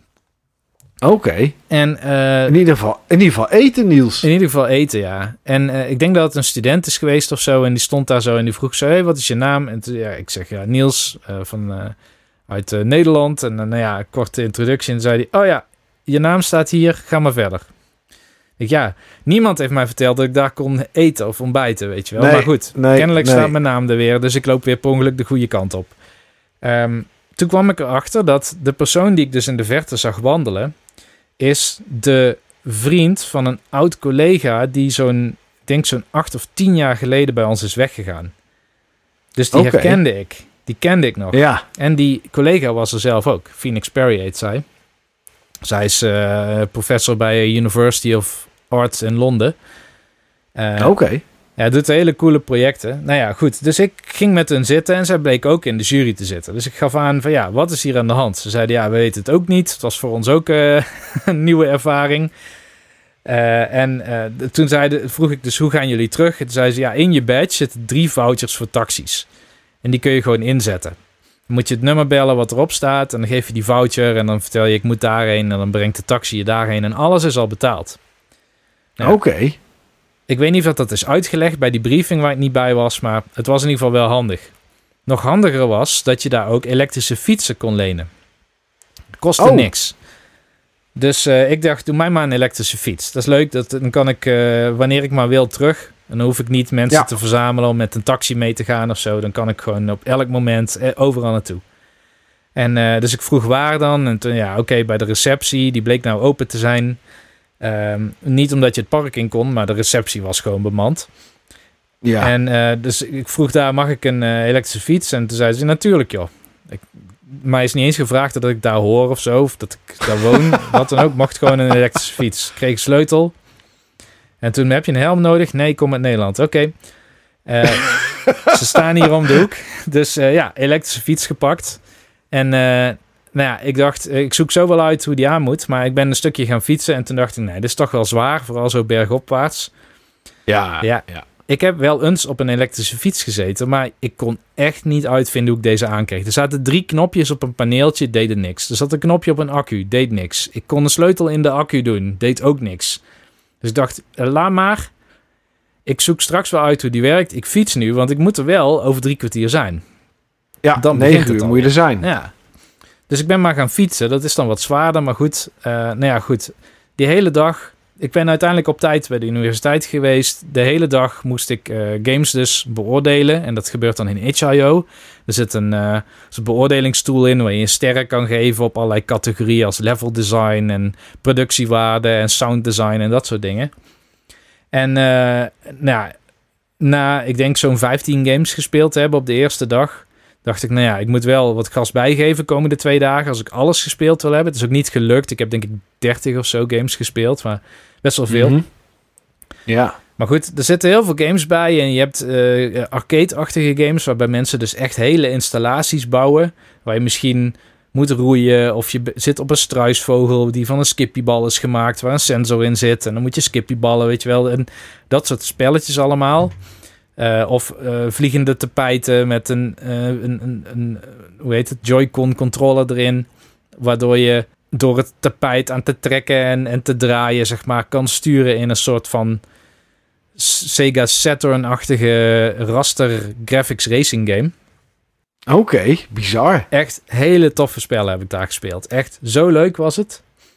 Um, nou ja, ik heb in ieder geval me daar goed vermaakt. En uh, uiteindelijk hebben we daar s'avonds nog... Een, we hebben elke avond een check-up met de hele uh, jury. En dan werd vooral gekeken naar welke games zijn nu nog niet door genoeg juryleden gespeeld, zodat we een goede verdeling konden maken. Dus dan krijg je soms de opdracht van zorg dat je volgende dag game 5, 9 en 13 speelt. Oh ja, zodat die in ieder geval genoeg mensen, door genoeg mensen bekeken is. Ja. Nou, in ieder geval, uh, ik uh, dacht, en nu ga ik uh, terug, want het was alweer uh, tien uur s'avonds en iedereen bleef maar hangen en er ging nog een drankje gedronken worden. Die avond had ik overigens wel gegeten, maar dan vooral snoep. Maar goed, okay. besides the point. ik vroeg ja, nog... er zat iets in. ja, ik vroeg nog, hoe krijg ik die fiets aan? En toen zeiden ze, oh ja, dan snap ik dat je dat misschien niet hebt gezien, want het is heel onlogisch, maar er zit een knopje aan de onderkant van het dashboardje. Oké, okay, dankjewel oh, hè. Dus ja. hup, ik naar buiten, deur valt op slot en uh, ik naar mijn fiets. En het regende en het was donker en ik stond er met mijn zaklamp te kijken en ik vind geen knopje. Ik heb denk ik wel vijf minuten staan schijnen aan de onderkant van dat paneel. Stond wel een soort ja. oplaadpoort, maar een knopje niet. Ik, ik heb nog opgezocht toen, uh, want ik heb gelukkig dan roaming in Europa en onbeperkt, dus dat kan alles opzoeken en Google Maps aanzetten. Ik heb, op, ik heb opgezocht, um, ah, wat is het type fiets wat ik heb en kan ik die aankrijgen? Nou, er was geen enkele handleiding van die fiets te vinden op internet. Nee, tuurlijk. En uh, toen vroeg, heb ik opgezocht, is het illegaal om zonder licht te fietsen in Zweden? Want je hebt natuurlijk geen dynamo. dus een elektrische nee, fiets. Nee. Ja. ja, het is illegaal om te fietsen in Zweden in het donker. Maar ja, ik dacht, weet je wat? Uh, ik zag gisteren geen enkele auto op die hele weg. Dus uh, ik, ik waag het er maar op. En het regent en het is koud. En ik wil gewoon gaan slapen. Ik ben heel moe. Ja. En ik ga volgende dag wel weer uitzoeken hoe ik het dan aankrijg. Dus in de regen inderdaad weer helemaal teruggefietst. Weer gaan slapen. Volgende ochtend bij het ontbijt kun je laten zien hoe ik die fiets aankrijg. Nou, loopt dus iemand mee en blijkt dat die oplaadpoort aan de onderkant ook dubbel dienst doet als een startknop. Maar die moet je dan 10 seconden ingedrukt houden. Oh ja, lekker. Dus al had je erop gedrukt, dan had het alsnog... Helemaal ja, niks gedaan. Het alsnog niet gelukt. Nee, nou. precies. Nou, dat is de laatste dag dat ik met de fiets ben gegaan. Dus ik heb toen eindelijk één keer elektrisch kunnen fietsen. Dat is heerlijk. Dat is wel. Dan ben je er ja. zo. ja, dat snap ik inderdaad. Ja, en helemaal als je bergop moet. Ja, nou ja, uiteindelijk dus uh, die dag die eindigde in uh, uh, veel games spelen en uiteindelijk dan een jury-discussie over welke game is nou de winnaar. Um, en dan heb je in principe de itch.io-data die een soort shortlist voor je kan maken, maar de interessante discussies en beslissingen die vinden plaats waar je gaat discussiëren over die, laten we zeggen, top 4 games. En we hadden iemand en die kon dat modereren. Dus die, uh, die, het was de stemmen en dan uh, anderen overtuigen. Uh, volgens mij was het zo dat we keken naar wat zijn de top 4 games. Klopt dit volgens ons beeld? Moet er iets bij wat er nog niet op staat? En dan vervolgens um, moesten we handen opsteken voor elke game in de top 4, denk ik, om tot een top 3 uit te komen. Ja. En uh, daar had je dan discussie over van welke award wint deze game. Ja, ja, nou, ja ik snap het. Daar heb ik dus met die Hazelight guy, die was tegen ja. alles. Die was super contrair. Oké. Of ja, tegen alles. Die was gewoon, die had altijd een tegendraadse mening over dingen. Dus als de hele, zo'n beetje unaniem, de hele jury van 24 juryleden, Ja. als die aangaf van heel duidelijk, is deze audiogame de beste audiogame? Dan zei hij, nee, ik vind het van niet. En ik zat naast die gast en, eh, dus, en ik probeerde hem te helpen, want hij had duidelijk niet de argumenten, zeg maar, om dat te onderbouwen. Hij, had, hij was wel de enige expert op het gebied van audio in de hele jury. Alleen hij zei bijvoorbeeld dingen als van, ja, weet je, het is eigenlijk... De muziek is inwisselbaar voor andere muziek. Als het maar muziek is op dit tempo. En eh, dat de noten dan worden gesynct op de nieuwe Ja, muziek. ja, ja. Dus hij zei, ja, ik zie niet in waarom deze muziek zo bijzonder is. En hij had dan liever de award gegeven aan een game die een sound design doet dat heel goed passend is. Je had bijvoorbeeld een game waarin je met twee spelers één duizendpoot bes- bestuurt. De ene bestuurt de kont en de andere de kop. En die hadden dan allerlei geluid over dat je op blaadjes stapt en zo gerecord. En hij zei, dat is eigenlijk veel beter sound design. Dat is nou echt nadenken over wat moet de speler horen. En hoe voelt, voelt dat dan? En hoe eh, doet het je de wereld beter beleven? En, terwijl een muziekstukje is gewoon maar een muziekstukje. Hmm.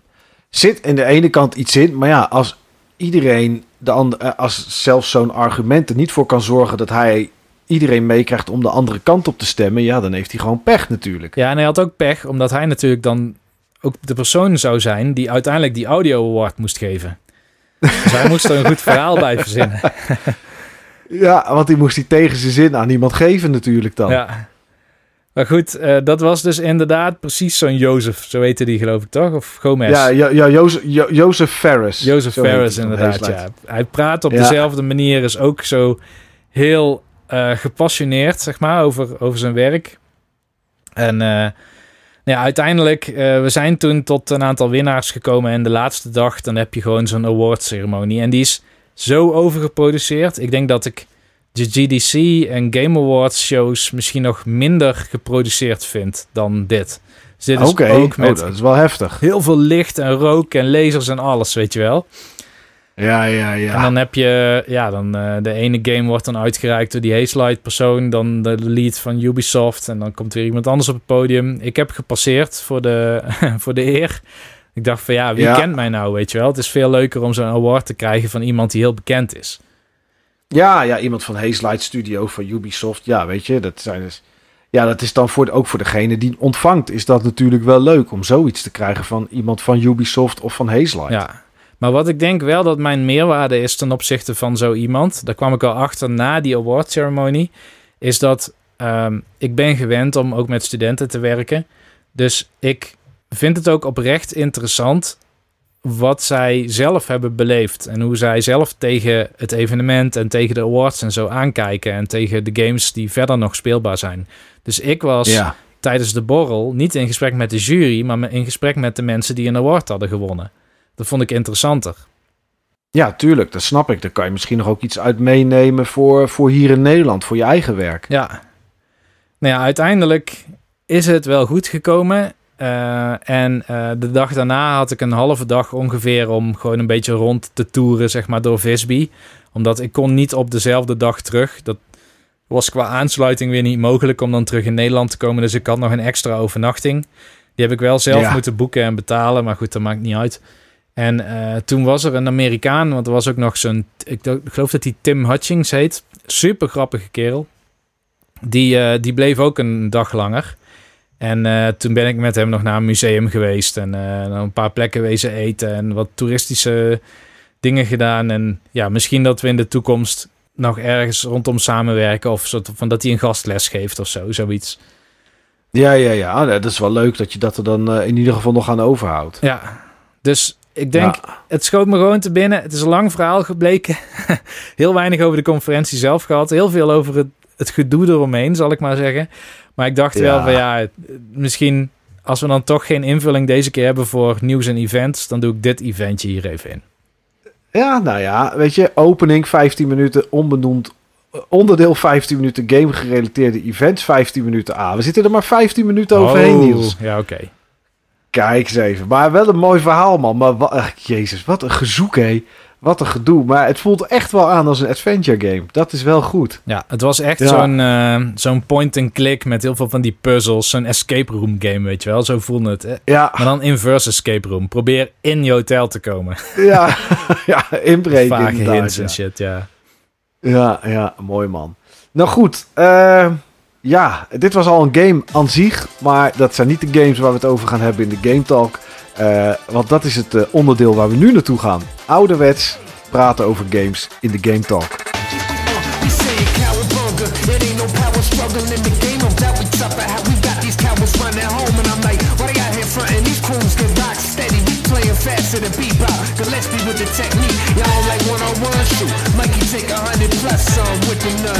Leonardo cut him up. Donnie he the smartest. He gon' teach whoever dumb enough to rap. Just asking. Satachi or the uppercut. What's up?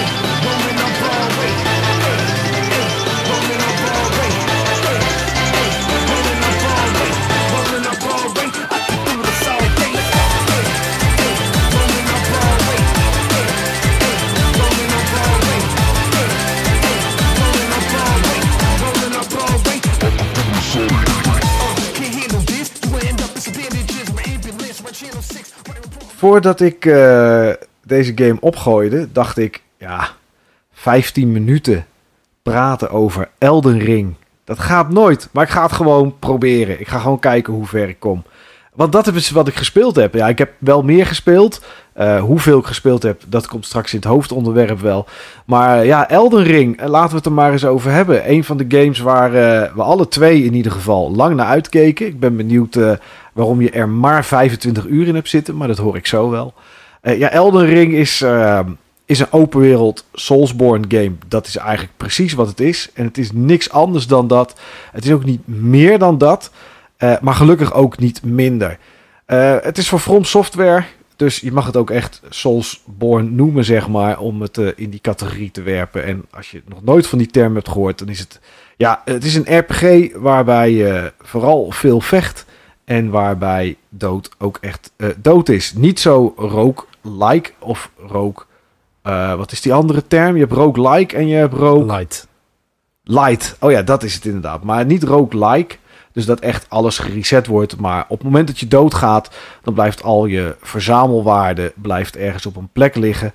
En um, uh, alle tegenstanders die zijn weer terug. Nou ja, goed. Dat is uh, een beetje het principe. En iedereen die een beetje games speelt, kent wel Dark Souls, Bloodborne, Sekiro. Uh, dus ja, iedereen zal dat wel ongeveer kennen. Maar dat is Eldering. Het is denk ik, nou tot nu toe, we zitten in begin juli de grootste game van het jaar. er zijn nog steeds dagelijks zoveel artikelen die je overal op nieuwswebsites voorbij ziet komen. Dus ja, je kan er eigenlijk niet omheen. En ja, het is een, uh, een behoorlijk grote game. Als je alles wil zien, als je alle gebieden wilt betreden, als je alle bosses wil, uh, wil verslaan. Het zijn er 150. Maar als je denkt van, nou, ik wil alleen het essentiële doen, nou, dan moet je wel behoorlijk goed zijn. Maar dan kan je er ook wel redelijk snel doorheen. Uh, als je ook een Dark Souls hebt gespeeld, of een Bloodborne, dan weet je dat het vrij lineair is. Je kan wel een keer naar links, je kan wel een keer naar rechts. Maar uh, ja, Elden Ring is eigenlijk gewoon helemaal open. Op het moment dat je in de wereld komt, kan je bijna overal heen. Er zijn wel wat gebieden die dicht zijn, omdat je bijvoorbeeld met een lift daar naartoe moet. En daar moet je twee items voor hebben. Nou, die heb je nog niet. Dus wat dat betreft is het niet 100% open. Maar ja, je komt door de tutorial naar buiten. En uh, je kijkt Limgrave, uh, kijk je in, dat is het startgebied. En ja, dan is het aan jou om te bepalen welke kant je op gaat. Je wordt een beetje gestuurd. Er zijn een soort gouden bogen die aangeven van, nou ja, het zijn geen bonfires, maar uh, om het zo zomaar even te noemen, van bonfire, oftewel grace in Eldering. Van deze grace is het verstandig om naar die grace te gaan en een beetje die kant op te gaan om het, om het verhaal, om het, de main story te volgen. En um, nou ja, dan kom je in ieder geval langs de belangrijke plekken waar je langs moet. Dat zie je ook op de map, gelukkig. Dat hebben ze wel, uh, wel goed gedaan. Daar zie je, oké, ik moet deze kant een beetje op en dan kom ik wel in de buurt van waar ik zijn moet. Uh, je kiest een class als je begint. Nou ja, dat zijn vaak alleen statistieken waar je dan, waar je dan op selecteert met misschien een bepaald wapen en wat armor aan. Ja, en dan is het ouderwets Dark Souls eigenlijk. Je, je komt in het begin En die zal iedereen die het gespeeld heeft een, een tegenstander tegen waarvan je denkt, nou, die, die ga ik een pak rammel geven. En dan krijg je ongelofelijke falie.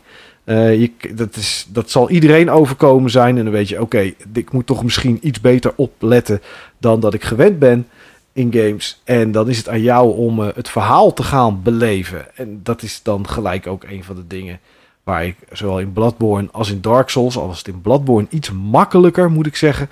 Gelijk iets heb van ja, uh, ik heb het geprobeerd de eerste paar uren. Maar op een gegeven moment heb ik het gewoon maar opgegeven. Uh, het verhaal, het zal wel. Het is wederom redelijk wazig wat er nou aan de hand is. Um, er is in het midden van de wereld is er een grote uh, Earth Tree. Nou ja, um, dat is een beetje zo'n zo'n boom die je ook uit andere games kent, waar het leven zeg maar begint of waar het leven vandaan komt. En ehm, ja, daar is, daar is iets aan de hand. Daar is uh, strijd omheen en het is aan jou om eigenlijk Elden Lord te worden. Ehm, de wereld is, uh, is nou ja, niet vergaan in dit geval. Dat was een, meer een beetje bij Dark Souls. Maar ja, er zijn events gebeurd met, met goden en nou ja, het is als je het zou willen volgen, dan heb je weer hele studies nodig om, om alles te snappen. Um, is het leuk? Ja, het is leuk. Is het de beste Soulsborne game die ze gemaakt hebben? Nee, vind ik niet. Um, ik weet niet, Niels, tot hoever jij gekomen bent en wat de reden is dat jij gestopt bent. Is dat tijd of was dat dat je op een gegeven moment er eigenlijk wel klaar mee was? Het, uh, ik denk een combinatie van die twee. Dus het was zeker tijd. Ik ben ook gestart met de game terwijl ik eigenlijk niet wilde starten. Maar tegelijk dacht op het moment dat als ik dat niet zou doen, zou al heel veel van de game gespoild zijn voordat ik het zelf zou ervaren. Ja. Dus ik heb me geforceerd om die game te spelen. En dat lukte dus ook nog heel erg aardig. En ik ben uiteindelijk gekomen tot en met. Um, ik moet even denken hoe het ook weer heet. Het is een soort als, het, als ik denk 25 uur, denk ik dat jij in de Academy gekomen bent. Exact. Ongeveer. En daar dan de, de best wel legendarische eindbaas. Waarin je van die kruipende vrouwen met kaarsen en zo ziet ja. Uh, tijgeren over de grond heen. Uh, dat heb ik nog gedaan. En daarna dan ben je dus weer vrij, zal ik maar zeggen, om dingen te doen. En ik had nog zoveel losse eindjes in, in, in de kaart zitten. Want daar in de buurt had je ook een aantal soort van zijn niet echt lighthouses, maar je moest volgens mij drie of vier uh, items verzamelen die dan weer ergens in moest socketen en zo. En dan had ik er twee en dan dacht ik, oh man. Uh, ja, is... dan had je, had je er wel twee kunnen activeren. Je hebt inderdaad vier pilaren waar je een soort steen in moet doen, een soort stone key. En als je dat hebt, dan uh, word je geteleporteerd naar andere plekken in de wereld. Dat klopt oh, is dat het? Oké, ja. Nou ja, ik dacht in ieder geval van dit is op zich een mooi moment als ik nu heel even niet de energie heb om verder te gaan, om te stoppen, want hierna kan ik weer gewoon een nieuw gebied waarschijnlijk dan exploreren. Ja, ja. Nee, het is, het is een game waar heel veel te ontdekken en te zien is. En dat is, dat is heel erg goed gedaan. Um, als je Dark nee, Bloodborne hebt gespeeld, daar had je ehm, de challenge dungeons in. Dat waren dungeons die van tevoren bedacht waren en gegenereerd. Het waren echt dungeons, dus je ging erin, je ging naar een level lager en dan nog een level lager. Dan had je een eindbaas en dan kwam je er weer uit. Nou, dat soort dungeons zijn er heel veel verstopt in Eldering. En het mooie daarvan is, is dat je daar wapens, items, maar bijvoorbeeld ook spirits, zeg maar, kan vinden. Die je kan oproepen om jou te helpen uh, tijdens moeilijke gevechten. Nou, dat is iets wat, uh, wat iedereen kan. Daar hoef je niet een magic gebruiker voor te zijn of wat dan ook. Dat is, zit standaard in de game. En, en, en dat soort dungeons die zorgen ervoor dat je een beetje kan levelen. Maar dat is waar het bij mij ook een beetje op misging. Ik heb één keer een punt gehad in de game dat ik dacht: oké, het, het wordt nu best wel pittig. En wat je dan kan doen, omdat het open wereld is, ja, je kan gewoon weglopen. En dat is aan de ene kant heel goed, want daardoor uh, stopt het gewoon niet. Hè? Als je gewoon niet goed genoeg bent, of je bent te zwak, of je, je, je, je wil dit gevecht niet aangaan, of je wil geen uren over een bossfight doen, dan kan je de andere kant op. Nou, dat is super makkelijk, super handig. Alleen was dat ook gelijk voor mij waar de charme van de game weg bij een Dark Souls, bij een Bloodborne. Je komt bij een baas, je komt binnen, je kijkt even wat hij gaat doen. Je geeft hem één klap, je krijgt drie klappen en je bent kapot. En het eerste wat je denkt is, hier kom ik nooit en te nimmer voorbij. Ik ben te zwak, ik, ik kan dit niet, uh, paniek. Nee, je doet het nog tien keer, hetzelfde resultaat. Je doet het de elfde keer. Je komt een heel klein stukje verder. En dat geeft je dan meer energie en kracht om uh, als persoon zelf, niet in de game, maar om, om het te proberen, om verder te gaan, om te proberen om die baas te verslaan. En dat heb je in Eldering eigenlijk niet. Ondanks dat ik dat wel wilde en dat wel geprobeerd heb, dat ik dacht van ja, ik ga niet weg, ik ga dit gewoon doen, is er op een gegeven moment iets dat in je hoofd zegt van, maar misschien ben je echt te underpowered. Ligt het niet aan of je niet goed genoeg bent of niet.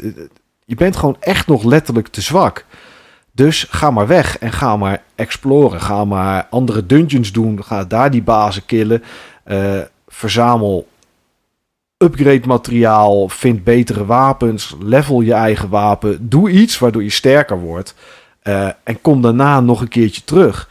En er zijn heel veel dingen die je kan doen om sterker te worden. Je kan uh, betere armor vinden natuurlijk. Um, je kan betere armor kopen. Je kan je wapens upgraden. Ik zei net al dat je een soort van geesten, van spirits bij je kan hebben. Ashes. Um, die je kan oproepen tijdens een gevecht. Ja, die kan je upgraden. Uh, je zou er eventueel voor kunnen kiezen om... Um, op je wapen heb je zeg maar een soort ability. Uh, Ashes of War zijn dat. Die kan je verwisselen. Kan je eventueel sterkere kan je erop zetten. Er is een hele hoop dat je kan doen om sterker te worden. En omdat er zoveel is denk je op een gegeven moment gewoon, ja, ik moet gewoon beter dat item management voor elkaar hebben. Nou goed, dat hoeft dus niet. Um, maar je gaat het wel doen. En daardoor is er gewoon op een gegeven moment zoiets dat het eigenlijk te makkelijk wordt. Uh, er zit een optionele baas in. Nou, Malenia. Uh, het zal voor de mensen die het gespeeld hebben geen onbekende zijn. Als je er geweest bent. Want je hoeft er namelijk niet langs. Vandaar optioneel. Voor de mensen die de hele game niet gespeeld hebben. Uh, spoilt het voor de rest niks door een naampje te zeggen. Het is de moeilijkste boss die in de game zit. het schijnt zelfs de moeilijkste boss te zijn die ze in tijden hebben gedesigned. Ik heb er drie kwartier over gedaan. Dat kan of zeggen dat ik heel goed ben. Of dat ik toch best wel zo krachtig was geworden dat het niet super, super, super lastig was. Dus ja, weet je, dat vind ik het grote nadeel aan Elden Ring. Um, er zitten ook hele goede dingen in, hele dingen die heel tof zijn. Net zoals in Dark Souls heb je flesjes om te drinken om je hitpoints terug te krijgen. Nou, uh, daar heb je er een x aantal van en dan zijn ze leeg. Dan kan je gewoon niet meer drinken. Wanneer krijg je die weer terug? Op het moment dat je bij een Grace rust. Maar dan komen ook alle tegenstanders weer terug. Ja, in een open wereld is dat best wel lastig. Want uh, op een gegeven moment als je loopt en je bent heel ver en je bent geen Grace tegengekomen. Als je doodgaat ga je naar de laatste Grace waar je gerust hebt. Of, en dat is nieuw in deze game, er staan ergens staan er een soort van standbeeldjes. Um, dan kan je daar ook terugkomen, maar je wordt sowieso een stuk teruggezet. Wat ze gedaan hebben is dat er groepjes tegenstanders zijn die gewoon rondlopen. En als je zo'n groepje kapot maakt uh, en je hebt alle tegenstanders van zo'n groepje, het is niet elke groep, maar het zijn bepaalde groepjes, dan krijg je wat van die flesjes terug, zodat je toch weer door kan. Een ander ding is natuurlijk, voor het eerst in een Dark Souls Bloodborne-achtige game van From Software kan je springen. Nou, dat helpt ook. Um, om ja, plekken te bereiken waar je normaal niet zo makkelijk zou komen. Het is niet de meest beste mechanic, het springen. Daar zijn ze nooit zo goed in geweest. In de andere Souls games kon je bijvoorbeeld rennen en dan twee keer de stick indrukken, waardoor je ook sprong. Uh, nou ja, dat, dat is nu gewoon een knop. Uh, maar dat is niet altijd even prettig hoe dat werkt. Uh, je hebt een paard om door de velden te rijden, om, om sneller door gebieden heen te kunnen. Want er zitten gebieden bij die echt wel heel groot zijn. En ja, uh, doe je ding in Elden Ring, zeg maar. Dat is een beetje het verhaal. Er zitten grote, lange quests in. Er zit meer gebied in dan dat je denkt. Uh, dat wil zeggen, als je de map helemaal vrij hebt gespeeld, is dat niet het enige.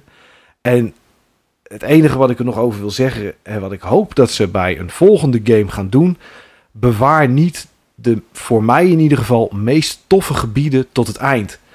Je komt die wereld in. Die wereld heeft hele toffe gebieden. Kelit bijvoorbeeld, een soort rode-achtige swamp met, met, uh, met poison in het water en dat soort dingen. Standaard From Software, er is altijd een gebied met poison.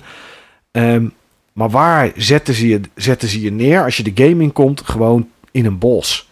beetje groen grasveld, bos en een beetje strand. Ik vond dat zo jammer. Ik vond het zo verschrikkelijk jammer, omdat er zulke hele toffe gebieden zijn. Ehm, maar ja, uh, dat is wel wat ze gedaan hebben. En uh, bij heel veel mensen vinden het wel gaaf. Ik vond het een beetje jammer dat het daarin, uh, daarin begon. Maar ja, raad ik Eldering aan? Ja, aan iedereen die een beetje van dit soort games houdt, probeer het. Ik kan niet zeggen dat bij mij in huis, we zijn met z'n vijven, vier man heeft het gespeeld. we hebben er zelfs, omdat we tegelijkertijd wilden spelen, een tweede Xbox Series X voor gekocht. Die wilden we toch al voor in het nieuwe huis zodat er één in de huiskamer staat en één in de game room. Maar uh, ja, dat hoefde nog niet eind februari. Toch stond hij er eind februari. Ja, te veel betaald bij de mediamarkt, want het was zo'n bundel. Maar ja, het was de enige manier om eraan heen te komen. En er was gewoon s'avonds, nou ruzie niet. Maar ja, ik wil, ja, maar ik wil ook Eldering. Ja, uh, weet je wat, we gaan er nog wel een kopen. Uh, zo, zo heeft die game dit huishouden in zijn greep gehad. Vier mensen die hebben het hier in huis gespeeld. Ja, de jongste niet, want die was toen twee. Nou, dat is niet zo'n heel erg groot succes. Uh, ja, goed, ik kan wel zachtjes, wat anders horen ze me hier in huis vol trots zeggen dat ik de enige ben die hem ook uitgespeeld heeft. Ja. Uh, ik heb alle bazen zelf verslagen. Dat kan ook niet iedereen hier in huis zeggen. En, uh, en ik, ja, ik heb de volledige gamerscore gehaald. Uh, ik, heb hem, uh, ik heb hem op, op 1000 uh, gamerscore staan. En ik hoop dat er DLC komt. Er zitten zulke, zulke hele gave bossfights in. er zitten bossfights in die iedereen heel tof blijkt te vinden. Radaan, als je de game gespeeld hebt, dan weet je wie het is. Jij bent daar niet gekomen, denk ik, Niels, want dat is daarna. Mm. Uh, die vindt iedereen geweldig. Ik niet. Geef mij maar de Fire Giant. die vond ik veel en veel toffer. Uh, er zitten hele moeilijke bosses in. Er zitten bosses in dat je denkt, is dit het nou? Maar dan zit er nog een trucje aan. Het is echt een hele, hele, hele goede game. From Software heeft echt wel de lat een heel stuk hoger gelegd. Um, open wereld, super. Overal is wel wat te doen, wat te vinden. Ingrediënten om te craften. het is gewoon top.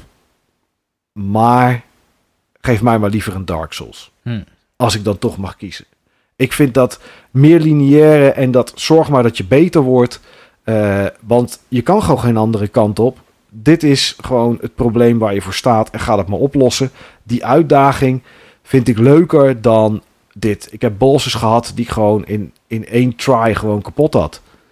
Uh, bij de endgame. Ja, misschien was ik overpowered. Dat zou kunnen. Wat ik gelezen heb, niet.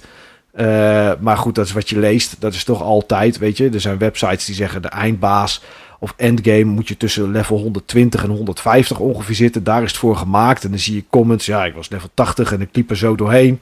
Dus ja, weet je, je weet het toch nooit. Maar qua dat soort guides wat ik gezien heb, zat ik gewoon on par.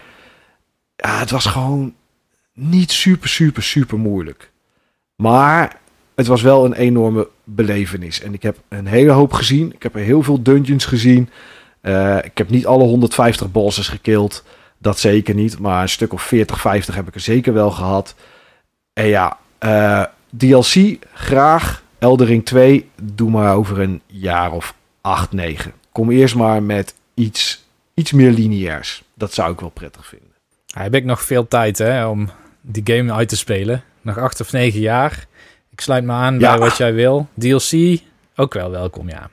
Ja, ja, ja. Ik ben wel, hetzelfde als bij, uh, bij Bloodborne, ik ben wel New Game Plus begonnen. Dus ik weet niet hoe dat dan uitpakt als die DLC uitkomt. Maar ik moet zeggen, New Game Plus. Ik heb bijna geen enkele tegenstander gesloopt. Ik moest naar uh, één of twee bazen, omdat daar dan nog iets dropte, zeg maar. Wat je moest hebben voor, uh, voor alle ringen of alle, alle wapens of wat dan ook. Ik moest iets hebben. Ja, ik als, echt als een mes door, door de boter heen. Zo makkelijk. Elke bos was gewoon in één try kapot. Dus ik hoop dat die DLC heel moeilijk wordt. Dat die je lokt in een gebied zodat je er niet uit kan. Uh, dat klinkt niet als open wereld, maar dat hoop ik wel. en, en dat het de eerste tegenstander die je ziet, dat die je gelijk kapot hakt. En dat je denkt, zo, dit ga ik nooit redden. En zoek het dan maar uit en win het dan maar. Dat is eigenlijk wat ik hoop. Maar ja, goed, dat zal niet gebeuren. Maar het is, uh, het is gewoon een complete game. Uh, zijn er ook nog andere nadelen? Tuurlijk. De frame pacing is wederom niet goed. Het, ik weet niet of we nog steeds op dezelfde engine zitten als Dark Souls 1. Maar het lijkt er wel op. Uh, framerate is af en toe niet goed gewoon. En dan denk je, ja, ik snap niet hoe het kan. Maar ja, het is wat het is. Uh, is wel wat verbeterd door de tijd heen, dat wel. Maar ja, dat zou toch... Het technische kant, zeg maar, onder water... zou echt nog wel een keer een stukje beter mogen. Maar ja, goed. Geweldige game, zeker. Van begin tot eind, puur genoten. Ja, voor mij is het nog te vroeg om te zeggen hoe de game zich voor mij verhoudt tot die andere Dark Souls games en Bloodborne. Ja. Uh, daarvoor heb ik echt nog niet genoeg gezien. Ik heb wel best wel veel geëxplored. Hè? Dus ik weet ook dat je nog helemaal onder de grond en dat je daar ook nog een hele wereld hebt en zo. Ja. Dus, dus is nog heel veel voor mij ook nog steeds om te ontdekken. Maar wat heel erg aanspreekt bij mij, en daar had ik wel zoiets als: wauw, dit heb ik niet eerder in From Software games gezien. Is dat je soms ook gewoon echt even een uitdaging moet ontwijken. En in, in eh, Dark Souls minder, maar Bloodborne kan ik me niet herinneren dat er een vijand is op misschien van die onzichtbare waar je insight voor nodig had of zo, is die je mhm. niet kan verslaan op het moment dat je er langskomt. Uh, nee, klopt. Nee, Bloodborne is wat dat betreft heel lineair. Hm. En ehm, eh, als je dat vergelijkt hiermee, is dat inderdaad heel anders.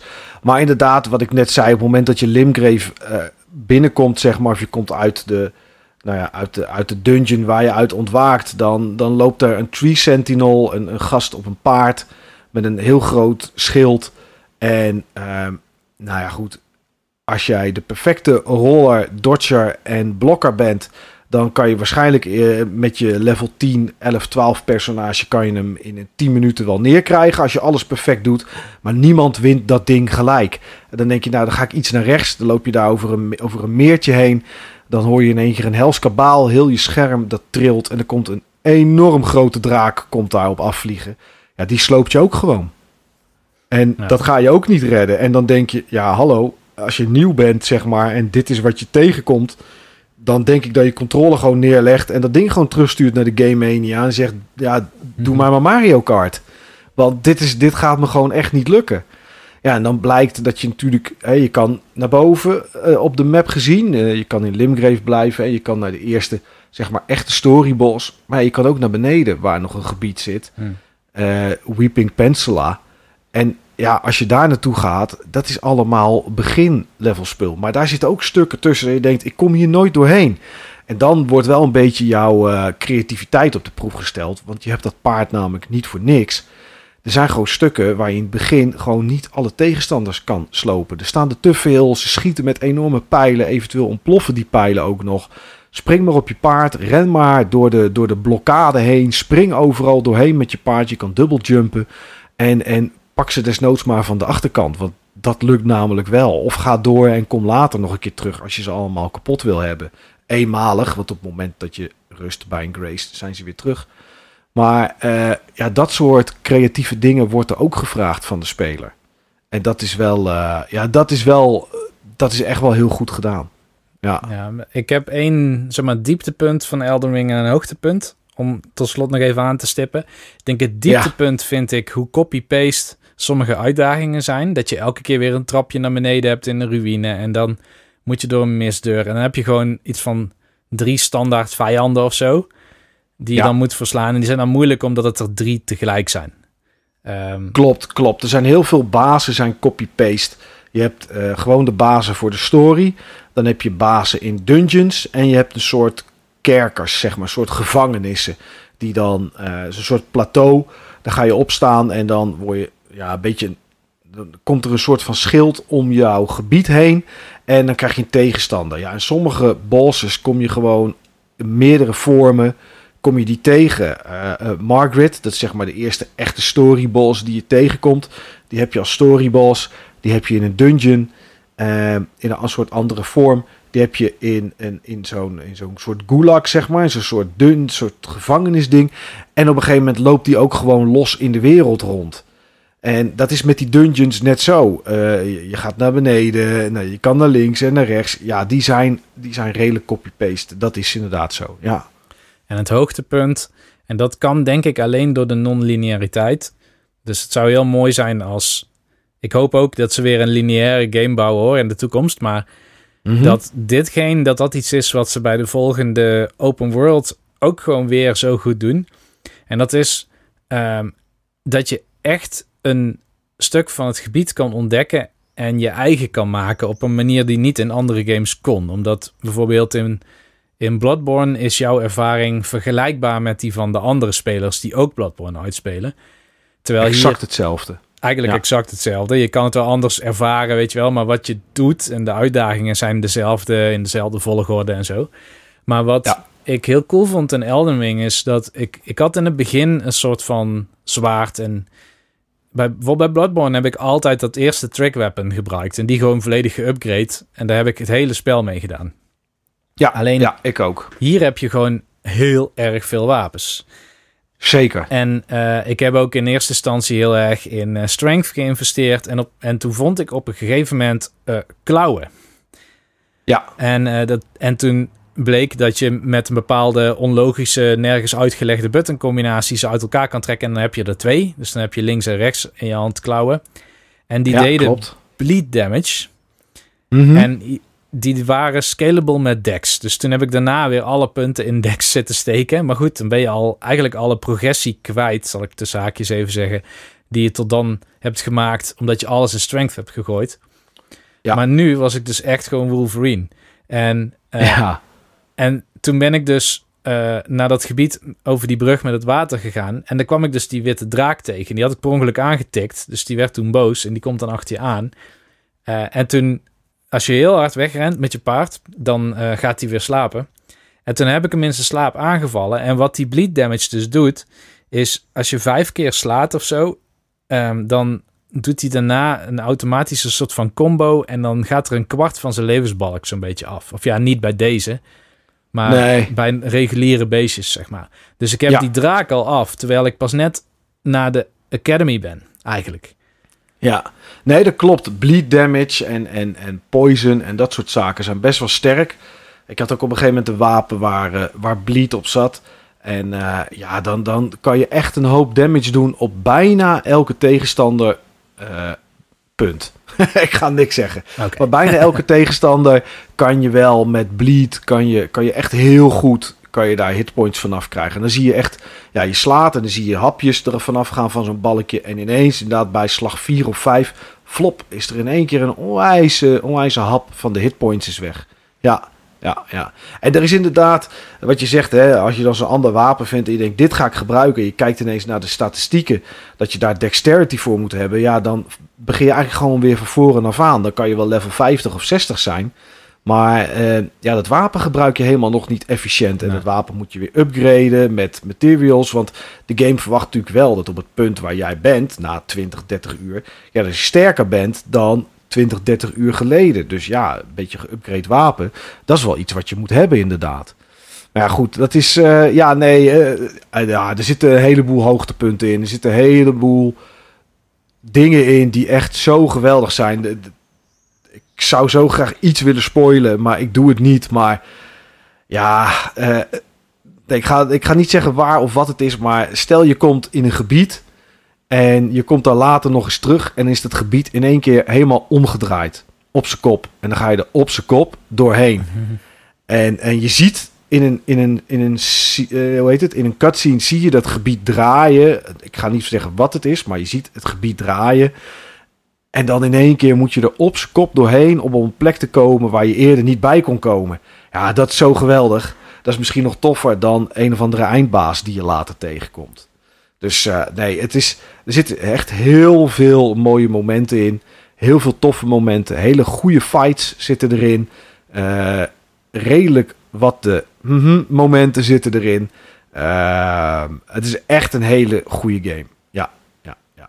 Dat is, ja, staat buiten kijf. Gewoon. Maar goed, dat is wat ik gespeeld heb. Onder andere, maar waar het afgelopen half jaar wel de meeste tijd in is gaan zitten. Jij, Niels, bent aan een game begonnen waar, nou, wat ik zei, wat ik een uurtje of vier heb gedaan. En heb je uitgespeeld als het goed is. Mm -hmm. Disco Elysium. Ja. Ja, en het is uh, mijn favoriete game van de afgelopen vijf jaar, denk ik wel. Wat, Oké, okay, wat is er zes jaar geleden uitgekomen wat toen je favoriete game was? En toen was Breath of the Wild uitgekomen. Oh, oké, okay, oké, okay. ja, ja, ja. Maar, maar, waarom is dit favoriet dan? Wat, is, wat heeft deze game dat ik niet gezien heb? Ja, ik laat het beginnen met. Ik denk dat ik heb gezien wat jij hebt gezien. Want de eerste twee uur vroeg ik ook af of het iets voor mij was. Ehm, maar toen ik eenmaal accepteerde wat de game probeerde te doen. En dat probeerde uit te buiten als speler. Ik zal zo even wat dieper erop ingaan. Toen klikte het op een manier die geen game ooit eerder bij mij heeft geklikt. Dus ik denk Hmm. dat in veel opzichten is dit de beste game die ik ooit heb gespeeld, maar niet per se de allerleukste. Laat ik het zo stellen. Dus Oké, wat is Disco dat Elysium? klinkt, De recap? dat klinkt zwaar, zeg maar. Dat klinkt alsof het werken werd. Nou, dat was het niet. Het was geen werken. Maar het heeft hetzelfde als... Ik, ik moet heel erg denken bij het spelen van deze game aan iets als Indiana Jones en The Fate of Atlantis. Waarbij je op een gegeven moment alle eh, locaties kan toetreden. En je moet iets doen. Je hebt ook een missie. Je weet ongeveer wat je moet doen. Maar ja, wie moet je nou spreken? En wat moet je met die persoon nou doen om het voor elkaar te krijgen? Zeg maar, soms dan loop je gewoon tegen iets aan dat je echt niet weet wat is de volgende stap in deze puzzel. En dat Hmm, kan frustrerend zijn. Nou goed, eh, je ging vertellen wat het eigenlijk was. Ja, oké. Disco Elysium is een, een roleplaying game zoals ik denk dat alle roleplaying games eigenlijk zouden moeten zijn. Dus het draait niet om combat, het draait om een rol hebben en jezelf projecteren in een andere wereld. En eh, deze wereld die heet Revachol. En eh, in Revachol speelt, speel je een personage die Harry heet, samen met een compagnon die heet Kim. En ze zijn twee politieagenten. Harry is zelf, maar dat heb jij al een keer uitgelegd, bij het spe- spelen van het spel aan het begin de eh, herinneringen kwijt. Ja. Eh, hij treft zichzelf aan in een hotelkamer en eh, hij is zo goed als naakt en zijn stropdas hangt aan een ventilator en er zit een gat in het raam en alles ligt in puin. En dus de vraag is ten eerste, wie ben je eigenlijk in dit spel? Nou, dat je amnesia hebt is niet echt een heel bijzonder gegeven in dit soort spel. Dat komt wel vaker voor. Uh, maar wat niet vaker voorkomt, is een wereld die zo gedetailleerd is als deze. En eigenlijk misschien wel, wat mij betreft, het hoofdkarakter is van het spel. En uh, je begint dus weliswaar in een hotel. Uh, dat voor mij heel herkenbaar is natuurlijk. Ja, als iemand die dus heel vaak in een hotel zit, heb ik zomaar te zeggen een klik met dit soort settings. Mm -hmm. Maar eigenlijk speelt het spel zich af in, volgens mij heet de stad binnen Revachol Martineze. En dan moet je je een soort van Sint-Petersburg voorstellen. Maar dan tientallen jaren na een mislukte revolutie, waar nog steeds mensen niet helemaal uit zijn gekomen. Dus de stad is nog steeds in de staat van die tientallen jaren geleden dat het geprobeerd is om uh, zeg maar de politiek te veranderen en wat niet gelukt is. En nu zit de wereld in een soort van impasse. Oké. Okay. Dat is een vervallen Sint-Petersburg. En wat ik heel tof vind hieraan is dat je dus allerlei politieke overtuigingen en levensbeschouwelijke beelden en zo hebt binnen de characters die in Revachol wonen, waar jij je tegen kan verhouden. Je kan ook zelf jezelf ontwikkelen in die politieke stromingen. Uh, in plaats van dat de game draait om poppetjes verslaan en kisten openen en items krijgen en zo, gaat het spel eigenlijk om de wereld te leren begrijpen en ook wie jij zelf bent. Dus je eigen historie en je rol. Ja, ja, want als je begint weet je helemaal niks. Nee. En wat ik heel bijzonder vind, is het skill systeem van Disco Elysium. Dus in plaats van dat je uh, stat points in strength en in charm of zo, weet je wel, dat soort vage termen waar je dan bij elk spel weer een andere betekenis aan moet koppelen hebt, heb je hier skills die veel meer te maken hebben met eigenlijk gewoon je menselijke vaardigheden. Zowel cognitieve als emotionele en sociaal-maatschappelijke vaardigheden. Dus om een voorbeeld ervan te noemen, is je hebt uh, een paar hoofdcategorieën. Je hebt intellect. En binnen intellect kun je skills unlocken als logic of retoriek of uh, drama of visuele calculus. Dat laatste houdt in dat je bijvoorbeeld, en dat heb je ook nodig op een bepaald punt in het spel. Stel dat je uh, een bullet hole vindt door het glas. Ja. dan visuele calculus is de, de, het vermogen om je voor te stellen vanuit welke hoek het schot gelost zou moeten zijn. Oh, oké. Een soort line of sight-achtig iets, zeg maar. Wat je in ja. films wel ziet, dat ze zo'n lasertje erop zetten. Ja, maar dan in hun gedachten in dit geval. Ja, precies. Ja, ja, ja. Maar dat, dat, dat systeem, zeg maar, dat kan je door die skill of die stat te verhogen, komen dat soort skills naar boven. Ja. En de andere hoofdcategorie is psyche. En daarin heb je dingen als uh, empathie voor anderen. Of juist dat je heel fascistisch bent. Kun je ook kiezen. Um, maar wat de leukste skill hierin vind ik iets, dat noemen ze Inland Empire. En dat is eigenlijk je, je fantasie die soort van gestimuleerd wordt door feitjes die je wel weet, maar die nog niet helemaal een plekje in je hersenen hebben.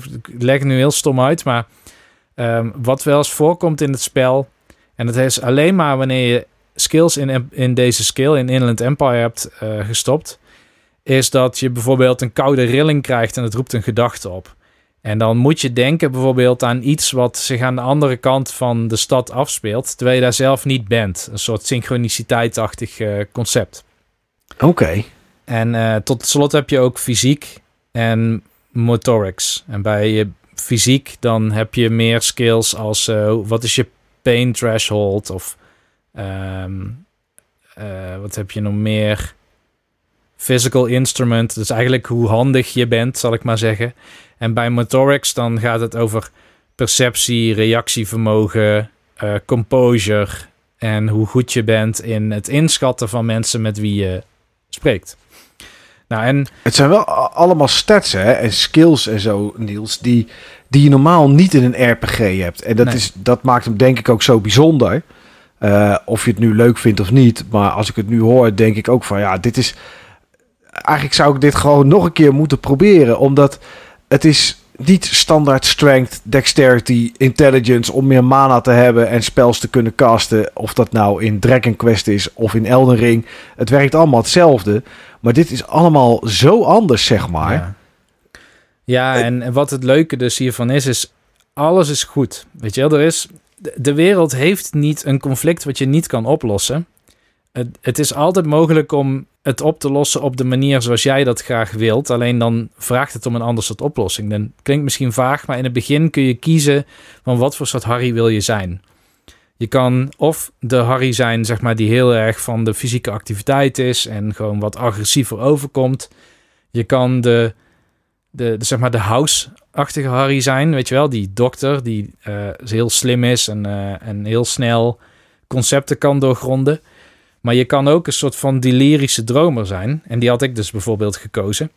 En, ja. en dan heb je al meer skill points vanaf de start in dingen als Inland Empire en drama.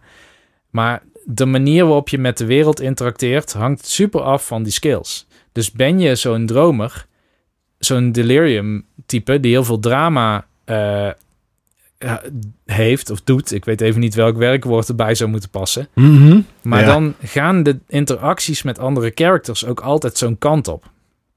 En dan moet je ook kijken of dat je bijvoorbeeld um, uh, een van de centrale conflicten in het begin van het spel is dat, dat er is een, een soort uh, vakbond en die is in staking en een bedrijf probeert daar iets aan te doen. En uh, die beide partijen willen eigenlijk dat jij ze helpt. Dat is heel normaal, weet je wel, in dit soort oude console of uh, CRPG's, zoals ze vaak worden genoemd, zoals uh, Baldur's Gate. Dus je hebt vaak van die best wel zwart-wit stellingen en je moet een kant kiezen. BioWare is daar altijd ook heel erg mee bezig. Um, Alleen daar is het vaak gewoon, jij, jij kiest gewoon uh, met welke partij je in zee gaat. En hier gaat het, hier heb je veel meer tinten grijs, zal ik maar zeggen. En het gaat ook vooral op de manier waarop jij met een partij in zee gaat. Je kan je helemaal overal uitliegen. Je kan uh, een beroep doen op dat jij een agent bent en gewoon iedereen dwingen tot dingen te doen omdat jij vindt dat ze dat moeten doen. Uh, je kan ze smeken, je kan, er zijn zoveel manieren, maar je moet het uitdrukken in jouw skills waar je in hebt ontwikkeld. En soms heb je ja. bijvoorbeeld, uh, dan zit er een container op slot en dan ben je benieuwd wat erin zit. Nou ja, heb jij uh, een soort vernuftigheid of handigheid, dan kun je misschien wel die mm -hmm. container met een, met een gereedschap openen. Maar heb je dat niet, maar heb je bijvoorbeeld heel veel skill in je motorische skills, dan kun je misschien wel open trappen. Heb je dat niet, maar spreek je iemand van de haven die misschien dat ding voor je kan openen en je bent heel goed in liegen of zo, dan kun je misschien iemand anders overtuigen om die container te openen. En op die manier zijn al die problemen in de wereld op te lossen op allerlei verschillende manieren en het ligt er meer aan wie wil jij zijn. Ja, dus aan de hand van de skills en de stats die je kiest, is de oplossing ook gewoon anders. Echt anders. En het verhaal is ook echt anders. En hoe je de, de stad, hoe die zichzelf zeg maar uitdraagt of documenteert aan jou. Als je heel erg geïnvesteerd hebt in logica, dan krijg je allerlei feitjes over de wereld. Heb je heel erg geïnvesteerd in uh, dat Inland Empire, dan krijg je allerlei waanbeelden over die wereld die helemaal niet kloppen. Um, ja. En uh, of, of je kan uh, een soort van donderslag bij heldere hemel inzicht te krijgen over de wereld als je weer in iets anders hebt geïnvesteerd. Of als je heel veel empathie hebt, dan leer je misschien veel meer uit de conversaties met de mensen die er wonen en zo. Dus ik heb ook het idee dat als ik het nog een keer speel en ik maak een andere beeld. En natuurlijk hoef je mhm. niet, je kan hem nog steeds ontwikkelen tijdens het spel, want je moet ook steeds hogere skill checks halen, want er zit gewoon een dobbelsteenachtig systeem achter waarop je moet, ja, hoe hoger jouw skill is, des te hoger is de kans dat je het haalt. Maar je kan het nog steeds falen als de dobbelstenen gewoon niet goed vallen. Want die gooi je letterlijk toch in de game, ja. dobbelstenen. Ja. En de meeste checks kun je opnieuw doen. Dus stel je haalt een check niet en je zou een skill point investeren in dezelfde skill, dan mag je die check opnieuw doen. Wat je ook kan doen is saven en gewoon loaden als je hem niet haalt natuurlijk. Um, ja. Maar je hebt ook rode checks en die kun je maar één keer proberen. Dus als je die niet haalt, dan kun je die ook nooit meer opnieuw doen. Dus dan mis je gewoon is, dat, is dat dan een blok? Is dat dan een blok op de game? Ja. Oké, en, en, maar je komt niet vast te zitten of zo in het verhaal? Nee, bij mijn weten... Ik had het idee dat er één moment was waarop ik vast had kunnen zitten. En dat was bijna in mhm. het begin. Want ehm, je verblijft in dat hotel, maar omdat het in puin ligt... wil de eigenaar dat jij schade betaalt. En dat je gewoon voor je overnachtingen gaat betalen. Maar je hebt ook helemaal geen geld. En er zijn allerlei manieren om aan geld te komen. Bijvoorbeeld, um, je kan je compagnon vragen om voor te schieten. Je kan uh, geld vinden op straat. Als je een bepaalde skill, geloof ik, moet je wel eerst hebben die skill geïnvesteerd hebben. Maar, of je moet een item hebben of zo. Maar dan kun je af en toe dingetjes op straat zien liggen. En dat zijn dan, weet ik veel, 25 cent. En je hebt 20 per nacht nodig. 20 dollar. Of wat dan ook uh, de currency is. Maar het kan mhm. ook zijn bijvoorbeeld dat je een bribe accepteert van een bedrijf of van misschien van de vakbond. Ik heb van het bedrijf geaccepteerd. Dan heb je meteen genoeg om te betalen. Maar je kan het geld ook uitgeven aan drank of aan drugs of zo. Ja, dan heb je misschien niet genoeg om te overnachten. En ik heb het idee dat het kan zijn dat je daarmee dus niet verder kan. Als je dat zou doen. Oké. Ja, ja, verder. Wat, je, hebt, je hebt niet de optie gehad om op straat te gaan slapen dan, zeg maar. Nee, ik meen dat ik in de eerste dag de optie had om in de auto van die Kim, die partner van je, te slapen. Maar ik weet niet mhm. meer zeker of dat dat zo was. Nee. Maar is het... Het is in mijn gedachten nog steeds een game die uh, redelijk traag is. En ook behoorlijk, uh, oneerbiedig gezegd, langdradig. Want het is heel veel tekst, ja. wat ik me kan herinneren. Heel veel lezen en ook in, in niet altijd te makkelijk Engels, zeg maar. Zeker als het over psychische termen en dat soort dingen gaat. Ja. En dat was ook wel een beetje wat mij tegenstond. Nou, ik weet niet of dat jij de Director's Cut hebt gespeeld of niet, want de Director's Cut is volledig gesproken. Uh, nee, ik heb de normale versie gespeeld. Ja. En dus ik moest alles lezen. Ja, precies. Ik denk dat ik dat misschien ook niet had getrokken, want het is echt heel veel tekst. Er zitten zoveel ja, dialoog in.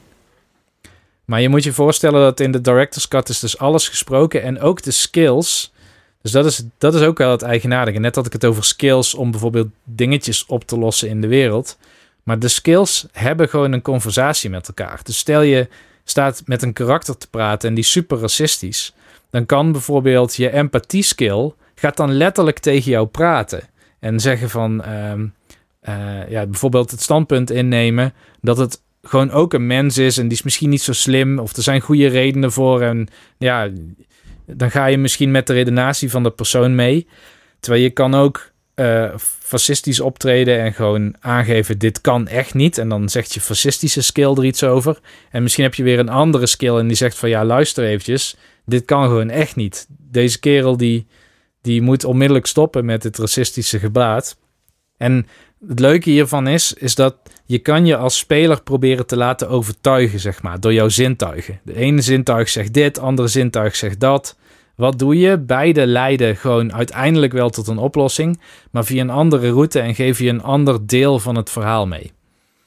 Hmm, ja. Ja, veel tekst dus. Maar luisteren, hè, op het moment dat je de director's cut hebt. Ja. Dat scheelt echt. Ik heb dus, wat dat betreft, ik lees niet per se mee dan. Hè. Ik ben dan meer van, ik leun gewoon achterover.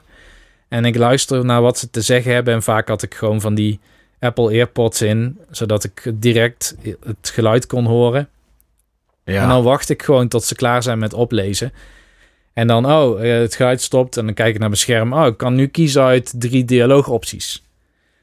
Ja, precies. En je hebt op die manier eh, gespeeld. Ja, en soms dan kan het zijn dat uh, je extra dialoogopties krijgt omdat je bepaalde skills hebt, of dat je dialoogopties helemaal niet krijgt omdat je nog ver onderontwikkeld bent. Bijvoorbeeld, stel je hmm. bent een heel dramatisch type, wat heel fijn is als je wil karaoke, zeg maar, in de bar, maar als jij iemand aan het interviewen bent, dan heb je misschien meer aan die logische skills om gewoon te snappen waar iemand naartoe wil met het verhaal. Maar als jij die skill niet hebt, dan kan het zijn dat de game ook voorkomt dat je dat conflict op die manier oplost. En dan kan het zijn dat je gewoon wordt gedwongen bijvoorbeeld om een andere oplossing te kiezen. Tenzij je in die skill investeert. Ja, ja, ja, snap ik. Oké, eh, dus als je niet bang bent voor een wat diepere en iets andere RPG, dan is dit de aanrader van de afgelopen vijf jaar, Niels. Zeker weten.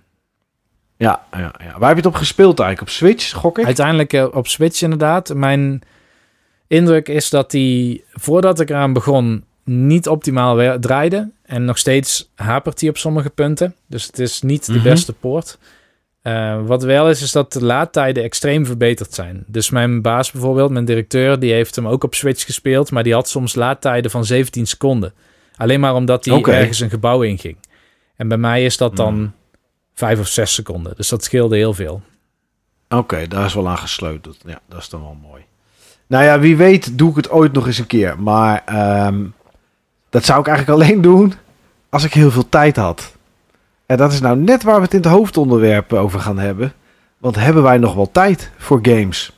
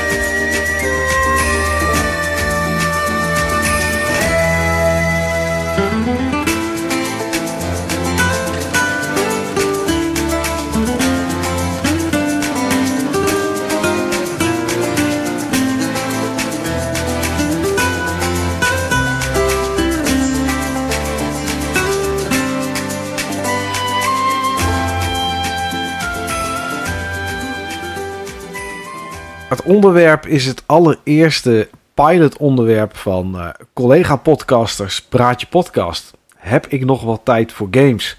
Uh, ja, ik wil ze niet naapen, Niels. Ik wil niet hetzelfde doen als dat Sven en Johan destijds gedaan hebben. Maar ja, het is wel een onderwerp dat, ehm, denk ik, voor ons eh, redelijk actueel is. Mhm. Want ja, je zei het zelf al. Ehm, ja, had misschien nog wel wat meer tijd in Eldering willen steken. Ja, je had het gewoon niet. Dus ja, Niels, heel bazaal. Eh, heb je nog wel tijd voor games? Ik heb nog wel tijd. Ik maak nog wel tijd. Maar ik heb het wel een stuk minder dan voorheen. En misschien niet zozeer omdat ik het daadwerkelijk niet kan opmaken om de tijd vrij te maken, maar omdat mijn hoofd veel meer bezig is geweest, bijvoorbeeld met zo'n nieuw huis kopen, uh, de financiering ervan. Het is ook gewoon heel interessant om een huis te kopen en vervolgens dan te bedenken: wat ga ik ermee doen? Uh, wat heb ik straks? Wat zijn mijn nieuwe vaste lasten straks? Uh, kan ik iets slims doen, bijvoorbeeld met, met de keuken of zo? En ik kan er dan helemaal induiken op YouTube. En op dat moment vind ik dat dan leuker dan een game spelen. Ja, ja, ja. Dat, dat zijn afleidingen, denk ik. Ja, dat is het ook. En het is uh, natuurlijk een beetje het echte leven. Hè, het is, uh, kijk, als je dat soort dingen allemaal niet hebt, je hebt niet een huis dat je gaat kopen, geen verbouwing of, uh, nou ja, noem het maar op. Ja, dan, dan heb je tijd over voor games. En dan is het makkelijker om je daar toe te zetten. het is een beetje hetzelfde als vroeger op school. Ja, je kwam thuis en als je voor de rest niks meer hoefde, ja, dan, dan kon je doen wat je wilde. Alleen dat is soms wel ja, eh, met dit soort situaties waar je nu in zit, met huis kopen en wat ga ik doen met de vloer? Wat ga ik op de muren doen? Eh, twintigste kan ik erin. Nou, een hypotheek regelen is tegenwoordig niet meer alleen een salarisstrookje inleveren en een kopie van je paspoort. Je moet allerlei documenten moet je tegenwoordig aanleveren. En nou, je, je bent er maar mee bezig en mee bezig om het geregeld te krijgen. Ja, ja dat, is, dat is inderdaad wel even een hele andere koek. Plus, gewoon deadlines met werk. Uh, ik heb nog nooit zoveel studenten gehad in een semester. Dus dan vraag je je ook af van hoe krijg ik dit gewoon goed draaiend überhaupt? Laat, laat staan dat je de kwaliteit wil leveren die je eigenlijk wil leveren. En toch probeer je steeds weer nieuwe dingen uit. Bijvoorbeeld, we hebben dit jaar voor het eerst ook trajecten in het afstudeerjaar geïntroduceerd, waardoor we je al in contact kunnen brengen met publishers terwijl je nog studeert, met recruiters terwijl je nog studeert, uh, informatie krijgt over verschillende doorstroming naar andere opleidingen. Nu je daar nog keuzes voor kan maken. Of dat je uh, gecoacht wordt in het ondernemen en het maken van een ondernemingsplan. Dat soort zaken. Dat kwam allemaal bovenop dingen die al drukker waren dan voorheen. En mm. het brengt een mate van stress met zich mee die ik nog niet kende. Ik kende wel stress, een ander soort stress. Maar deze aanhoudende stress, echt van januari tot en met juni. Of tot en met de tweede week van juli eigenlijk. Dat was een soort van nieuw voor mij. Ja, ja, en als dat dan elke, elke keer is en elke tijd is, eh, elke dag is, dan, dan is dat wel druk. En dan heb je natuurlijk ook de weekenden. Dan zou je denken, nou, dan heb je niets. Maar ja, soms is het dan toch ook wel lekker om gewoon echt even helemaal niets te hebben. Om misschien een stuk te gaan lopen of te gaan fietsen. Om gewoon echt even je hoofd leeg te maken, toch? En dat is dan niet altijd met games. Ik kan me niet eens herinneren wat ik de weekenden heb zitten doen. Maar in ieder geval weet ik zeker dat het nauwelijks met gaming te maken heeft gehad. Ja, ja, nee, ik heb precies hetzelfde. Ik heb natuurlijk, uh, nou ja, Elden Ring, daar heb ik dan wel uh, behoorlijk wat tijd in gestoken. Nou goed, dat is uh, dat, dat doe je dan met z'n allen. Dus dat is dan net even makkelijker. Maar als ik nu ook kijk, sinds we verhuisd zijn en hier, eh, en hier wonen. Er zijn, kijk, een huis is nooit af. Er is geen enkel huis dat ooit af is. Want als het klaar is, dan is er altijd wel iets anders wat nog veranderd kan worden, verbeterd kan worden of wat dan ook. Ehm, en omdat we hier in, nou ja, in twee weken moesten we uh, opknappen wat er kon. Verhuizen, het oude huis helemaal leeghalen, schoonmaken uh, en opleveren. Ja, dat was gewoon eh, te weinig tijd eigenlijk om alles te doen wat je wil doen. Maar ja, eh, je hebt maar x tijd, dus daarin moet je gewoon gaan doen wat je kan. En nou ja, wij zijn vanavond om 8 uur gaan opnemen. Dit is een van de bijna eerste avonden sinds eind mei. En we zitten nu bijna halverwege juli. Dat ik gewoon om 8 uur gewoon iets anders kan gaan doen. Wil niet zeggen dat het normaal niet kan als ik zeg morgenavond om 7 uur zeg van joh luister uh, tegen Kim, doe jij die kleine maar naar bed. Ik ga gewoon gamen, dan kan het. Alleen er zijn zoveel dingen die je ook anders nog kan doen, die eenmalig zijn. Ik kan morgenavond ook allerlei planken hier gaan ophangen en daar games op gaan zetten of figures of wat dan ook om het in te richten. Is eenmalige actie, maar het moet nog wel gebeuren. Dus dan ga je toch liever dat doen, want dan is het klaar. Uh, in de weekenden ja, nou ja boodschappen doen. Uh, verjaardagen hebben gehad van mij, van die, van die kleine. Kim is jarig geweest. Nou, we hebben een housewarming gehad. Daar was jij ook. Ehm, dan ga je dat weer allemaal doen. En zo gaan er zoveel momenten van tijd, nou niet verloren, maar op aan andere dingen, dat er voor gamen eigenlijk heel weinig tijd overblijft aan, bij mij. Ja. En ja, uh, de vraag is natuurlijk, uh, vind je dat erg? Nou, ik niet echt, moet ik zeggen. Uh, mis ik het ja, op dit moment ook niet echt. Mis jij het? Mis jij dat je denkt dat je in bed ligt, dat je denkt zo, dat was de dag. En dat je denkt, potverdorie, weer een dag waarin ik niet echt heb gegamed. Ik mis dat wel. Heb je dat? Mm, nou, ik denk dat een deel van die tijd is opgevangen door het luisteren naar podcasts. Soms over games, soms over uh, Arkham Horror, de card game, wat een bordspel is dat ik heb en waar ik ook best wel in geïnvesteerd ben. Mm ik denk dat ik er misschien wel eens ooit iets over heb verteld, maar dat weet ik niet meer zeker. Daar ging ook mijn aandacht grotendeels naartoe. En ik moet wel zeggen dat de laatste week ben ik weer meer begonnen met game hoor. Ik moest het even aanwakkeren, zal ik maar zeggen. Hmm, uh, Oké, en hoe, komt het dat dat de afgelopen week weer meer is? Dat is denk ik wat jij net zei. Om, jij zei dat je niet gamet, vind je dat erg? En nee, ja. aan zich vind ik dan niet zozeer erg. Ik bedoel, ik ben ook gewoon blij als ik gewoon... Nou ja, of dat je ervan baalt, zeg maar. Weet je, dat een beetje. Nou ja, ergens wel een beetje. Want ik bedoel, je hebt toch een groot deel van je leven op een bepaalde manier je hobby ingevuld. Je hebt er ook iets meer dan je hobby van gemaakt. Doordat we bijvoorbeeld, deze podcast nu opnemen. En uh, dat ik uh, in mijn werk ook nog steeds uh, in, de, in de gamesindustrie zit. Alleen, soms heb je wel het idee dat je een beetje bij wil blijven. Of in ieder geval die vlam aan wil houden. Want anders dan weet ik ook gewoon niet meer of dat dit de juiste carrière op dit moment is. Klinkt misschien een beetje hmm. dramatisch dan, maar... Uh... Nou ja, dat klinkt best wel zwaar inderdaad, Niels. Dat klinkt een beetje zo van, ja, als ik eigenlijk privé niet meer game en dat eigenlijk niet zo erg vind, dan weet ik eigenlijk niet of ik dit allemaal nog wel leuk vind, zeg maar. Of dit nog wel mijn ding is. Oftewel, ik dwing mezelf dan maar om toch een beetje te gamen. Anders ga ik misschien andere hele rigoureuze keuzes maken. Nou, in feite vind ik het zeg maar, het discussiëren met bijvoorbeeld studenten of met eh, andere developers over het maken van games vind ik misschien nog wel leuker zeg maar, dan het spelen. En dat gebeurt ook zeker nog wel veel. Uh, het spelen van games, ik heb wel gemerkt dat ik uh, toch meer een soort van smaak heb ontwikkeld. En ik begin nu de hele tijd binnen diezelfde patronen games te spelen. En dat is aan de ene kant niet erg. Maar de vraag is, en dat, daar heb ik dus last van gehad. Dus je hebt een gamecollectie die misschien voor 80% inzoomt op een genre. En in mijn geval is dat dus rollenspel, roleplaying games en adventure games, dat soort dingen. Mhm. En op het moment dat je dat niet wil, uh, dan zit je echt te kijken van wat ga ik dan nu doen?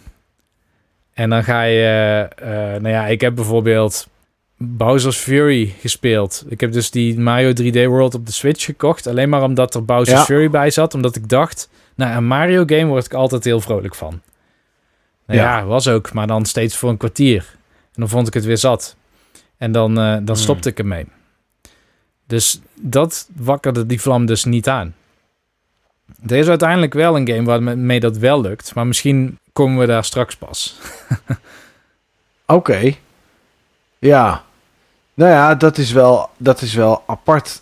Uh, want ik denk toch dat jij en ik genoeg games hebben staan... dat je uit elk genre wel iets uit de kast kan halen, toch? Ja, ja. En dan heb je altijd nog Game Pass.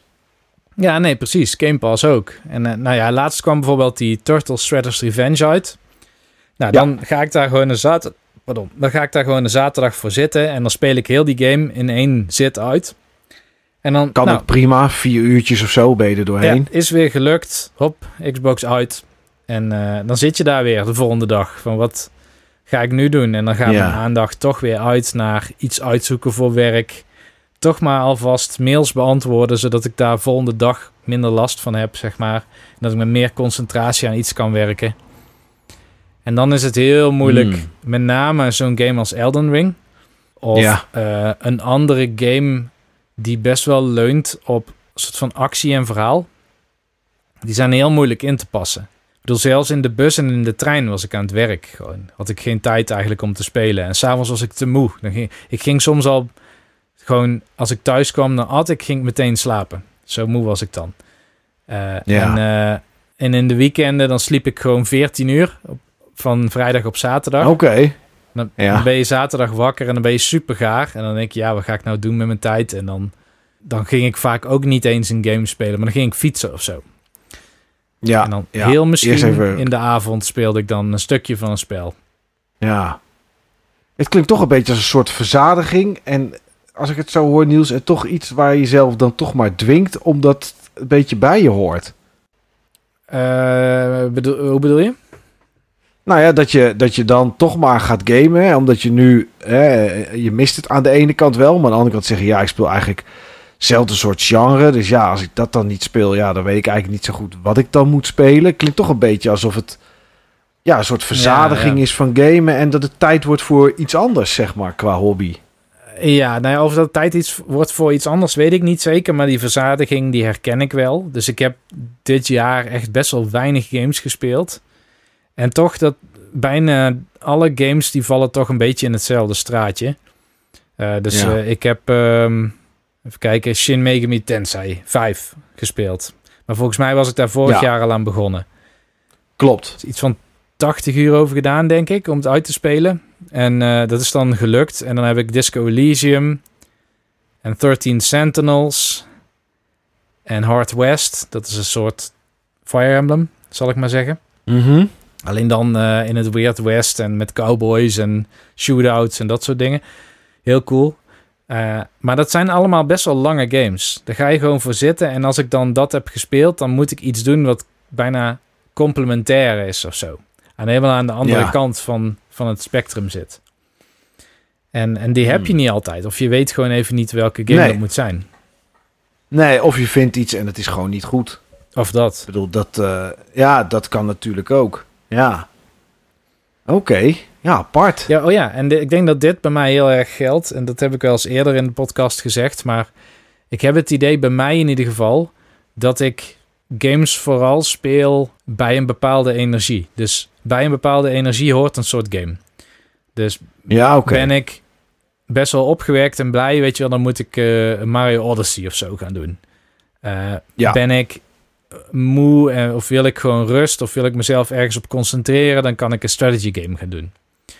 Wil ik s'avonds nog iets, bijvoorbeeld stel ik wil in bed of zo nog even kort een spel doen, dan zou ik bijvoorbeeld een visual novel of zo kunnen proberen. Wat ik echt al heel lang niet meer heb gedaan trouwens. Mhm.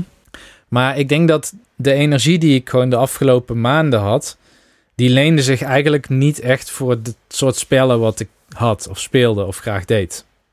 Ja. Ja, apart. Hoe is dat ja, bij jou ik herken het. Eh, nou, nee, ik herken het. Ja, ik heb dat niet dat ik. Uh, ik heb wel eens geen zin in, in een bepaald soort, soort game, zeg maar. Ik weet niet of ik dat echt aan, aan hoe ik me voel of energie heb, of ik dat daaraan koppel. Dat, dat heb ik niet zo heel erg. Um, waar het bij mij. Nou ja, het is puur gewoon tijd. Uh, voorheen, zeg maar, ging ik naar bed rond een uur of half één, één uur. En stond ik om half acht op. Uh, was ik vaak wel moe, maar dat was prima om op die manier uh, dat te doen. Tegenwoordig lig ik toch vaak rond een uur of elf wel in bed. Dan is het gewoon echt op voor de dag.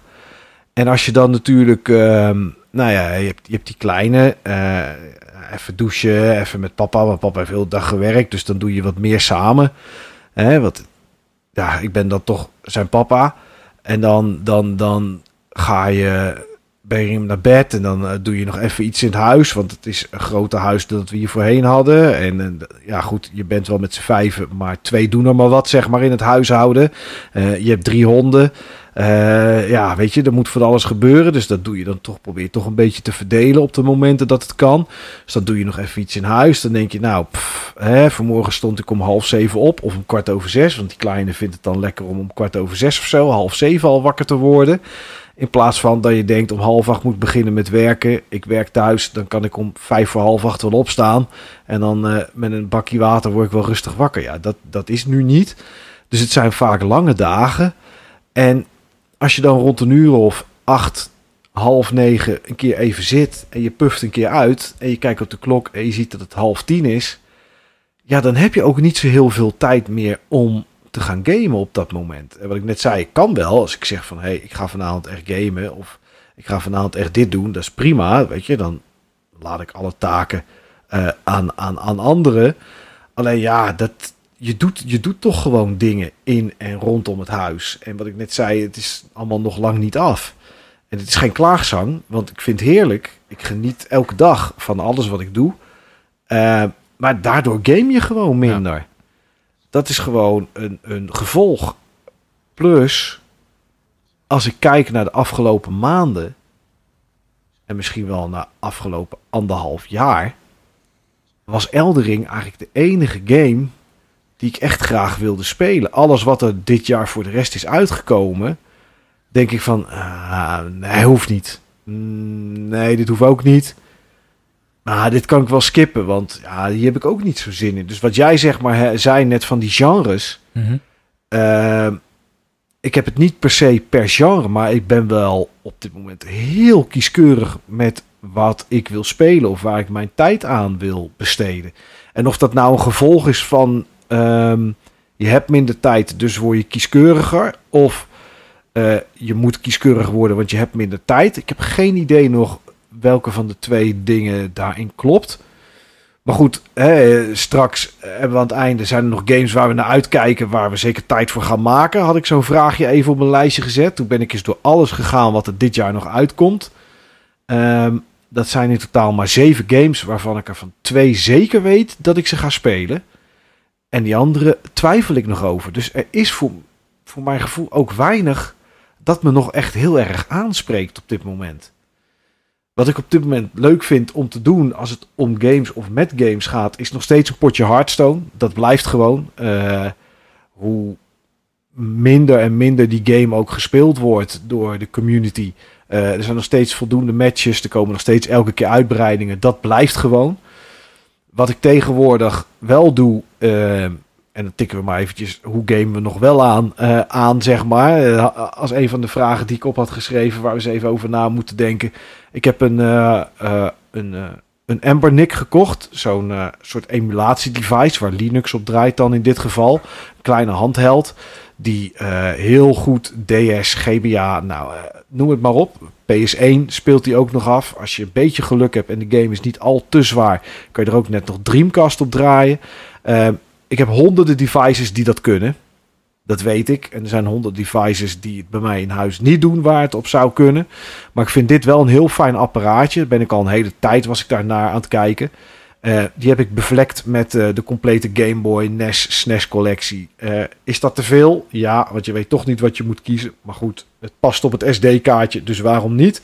Ehm, en als ik dan in bed lig, dan, daar ligt dat ding, dan pak ik hem. En dan start ik uit de Game Boy selectie Tetris op. En dan ga ik gewoon eventjes een potje Tetris doen. En ja, dat vind ik heerlijk. Balloon Kit heb ik laatst zitten spelen. Had ik nog nooit gespeeld op de Game Boy. Dacht ik, laat ik dat eens doen. Nou goed, uh, kwam kou kermis thuis, want ik vind die besturing verschrikkelijk. Maar uh, dat doe ik dan eventjes. ik heb die Amiga Mini binnen.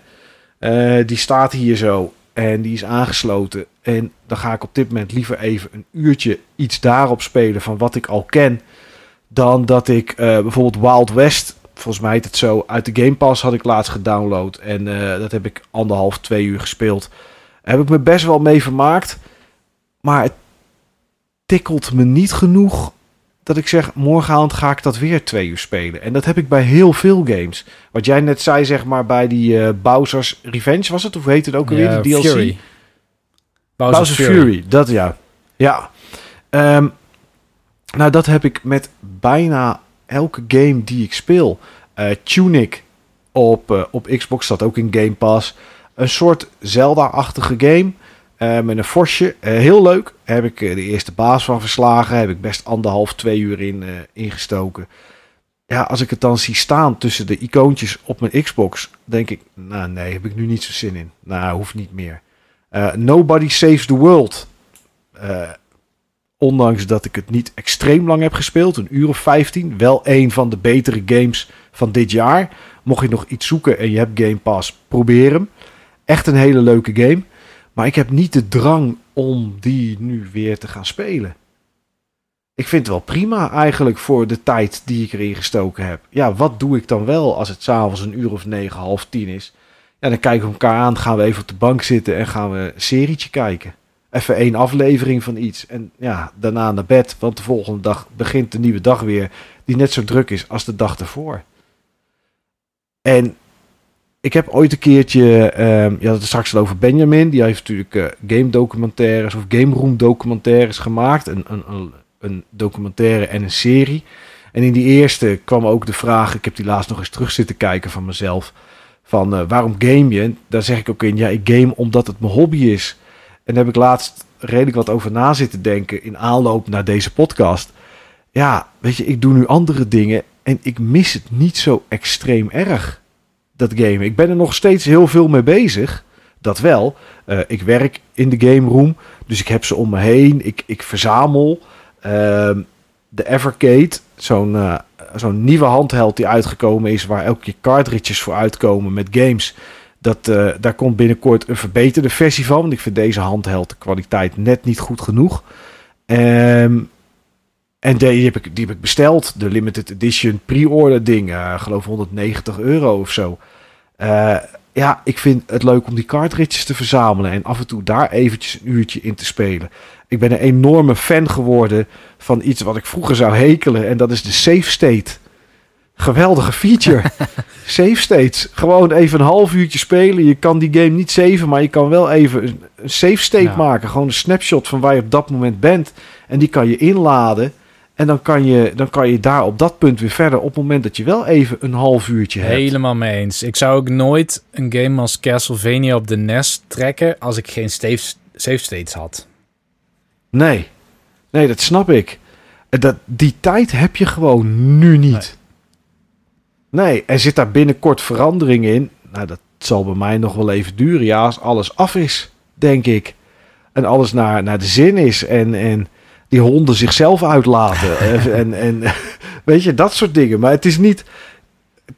Ik geef het als voorbeelden van zeg maar dingen die ervoor zorgen dat ik minder game. Maar het zijn niet dingen dat ik denk, ik baal ervan dat ik die doe. Want ik vind het heerlijk om ze te doen. Alleen, ja, daardoor verandert wel hoeveel tijd je voor gamen hebt of daarin steekt, zeg maar. Dus ja, dat is hoe het bij mij gewoon een beetje beetje veranderd. En ik denk dat er bij jou binnenkort ook weinig veranderingen komt, Niels, met de verhuizing en inrichten en alles. Ja, nou ja, of dat is juist dan misschien de katalysator om het te veranderen. Dat zie ik ook misschien nog wel gebeuren.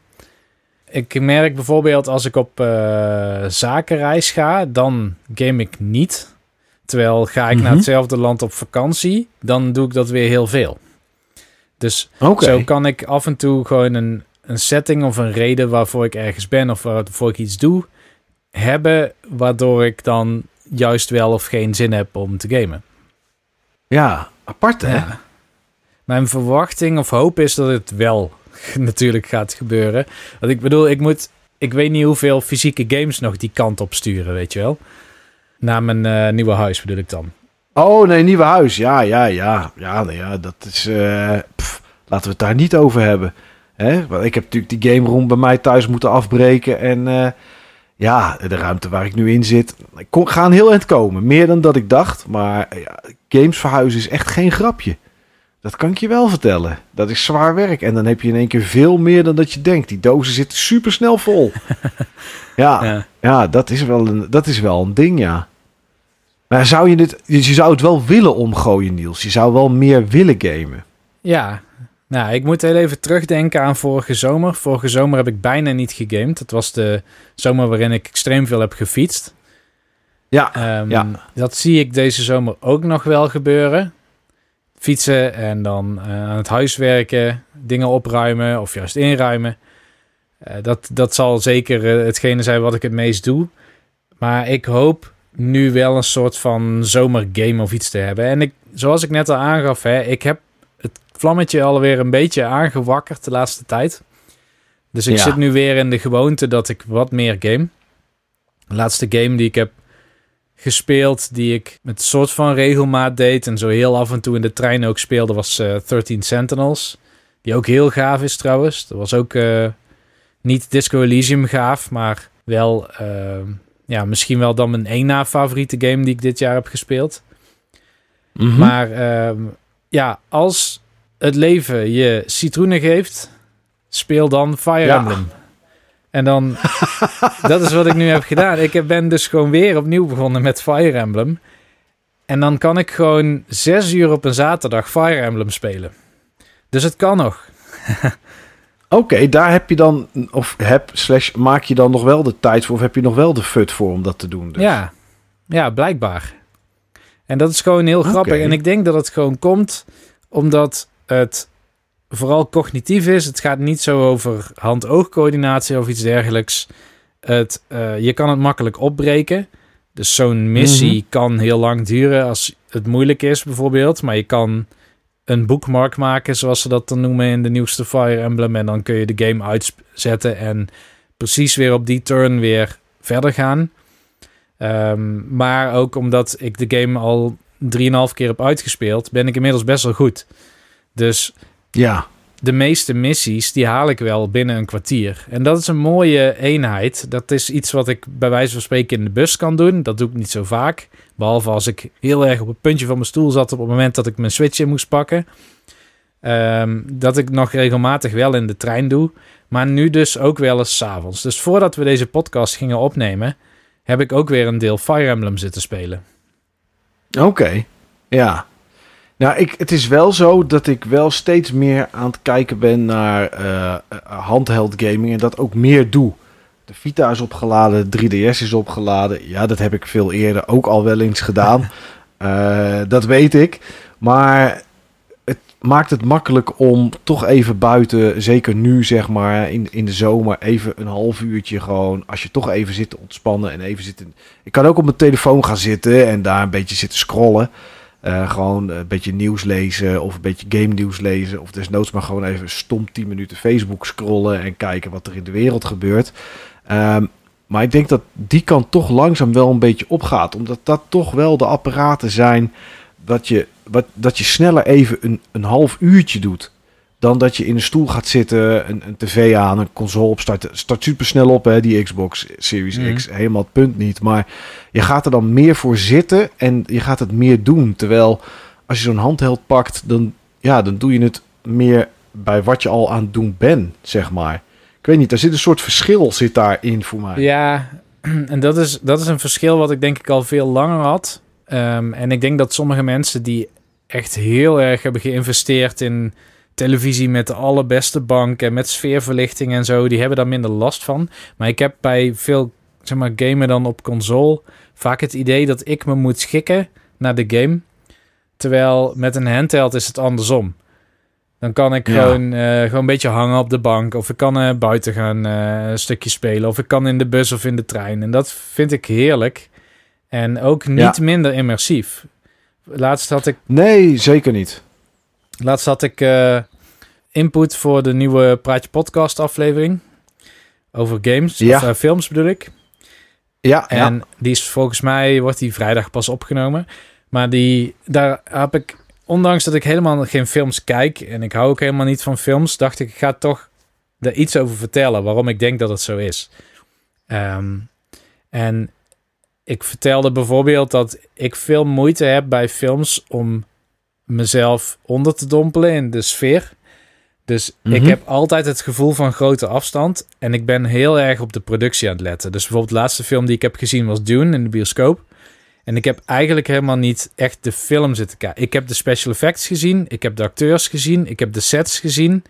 Ik heb de lensvoering, gehoord. het geluid gehoord inderdaad. Maar het komt niet echt binnen. Ik weet niet waardoor dat komt, zeg maar, want ik had dat vroeger wel. Maar dat, dat is denk ik gewoon misschien ook bij deze film omdat ik het verhaal heel goed ken. Dus dan ben ik benieuwd hoe hebben ze het vertaald of iets dergelijks. Maar het is wel exemplarisch voor heel veel films. Terwijl bijvoorbeeld The Godfather, daar kon, Ja. kon ik helemaal inraken. Ik kon gewoon tijd en ruimte vergeten. Maar die heb ik notabene in het vliegtuig gezien op zo'n heel klein schermpje in de stoel voor je. Mhm. Met zo'n gaar koptelefoontje op, zeg maar. Ja, ja. ja. Ja, nee, wat je zegt over dat met tv en, en zitten en dat soort dingen. Kijk, eh, tuurlijk, daar heb ik ook een hoop eh, geld en tijd destijds in geïnvesteerd. En mijn Dolby Atmos set staat niet in de game room. Uh, daar zit ik gewoon met mijn SteelSeries koptelefoon op. Die staat in de huiskamer voor films en series. Um, maar wat je zegt met um, dat je daar anders naar gaat schikken, zeg maar, of geschikt voor woord, of daar echt iets voor moet gaan doen om er te gaan zitten. Toen je dat net vertelde, dacht ik, ja, dat is eigenlijk wel een beetje hetzelfde als ouderwets tv kijken, zeg maar.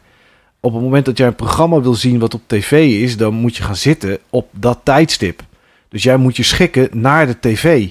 En dat doen we ook al lang niet meer. Want dat kijken we gewoon terug, zeg maar, op het moment dat het ons uitkomt. En ik denk dat dat terugkijken wel een beetje hetzelfde is als handheld gaming. Dan kan ik het gewoon op de wc, in bed, buiten of waar doen op het moment dat ik wil. En niet dat ik moet gaan zitten en die game moet gaan opstarten. Ja. Ja, je, ik had ook op het forum, uh, ja, zeg maar. Je hoeft, hoe het voor mij voelt is, als ik wil gaan gamen met mijn televisie, en daar kan ik me ook in verliezen, hè. Dus dat, bedoel... Zeker wel. Ja, de, de Shredder's Revenge heb ik op de Xbox gespeeld. En ik heb de Switch ook nog wel eens gewoon in de dock staan. Veel meer handheld, maar ik speel ook nog wel eens in de mhm. dock. Zelfs net voordat we gingen opnemen speelde ik gewoon op televisie. Alleen het voelt alsof je hebt gereserveerd. Alsof je reservering hebt met je eigen televisie. En dat heb je niet met de handheld.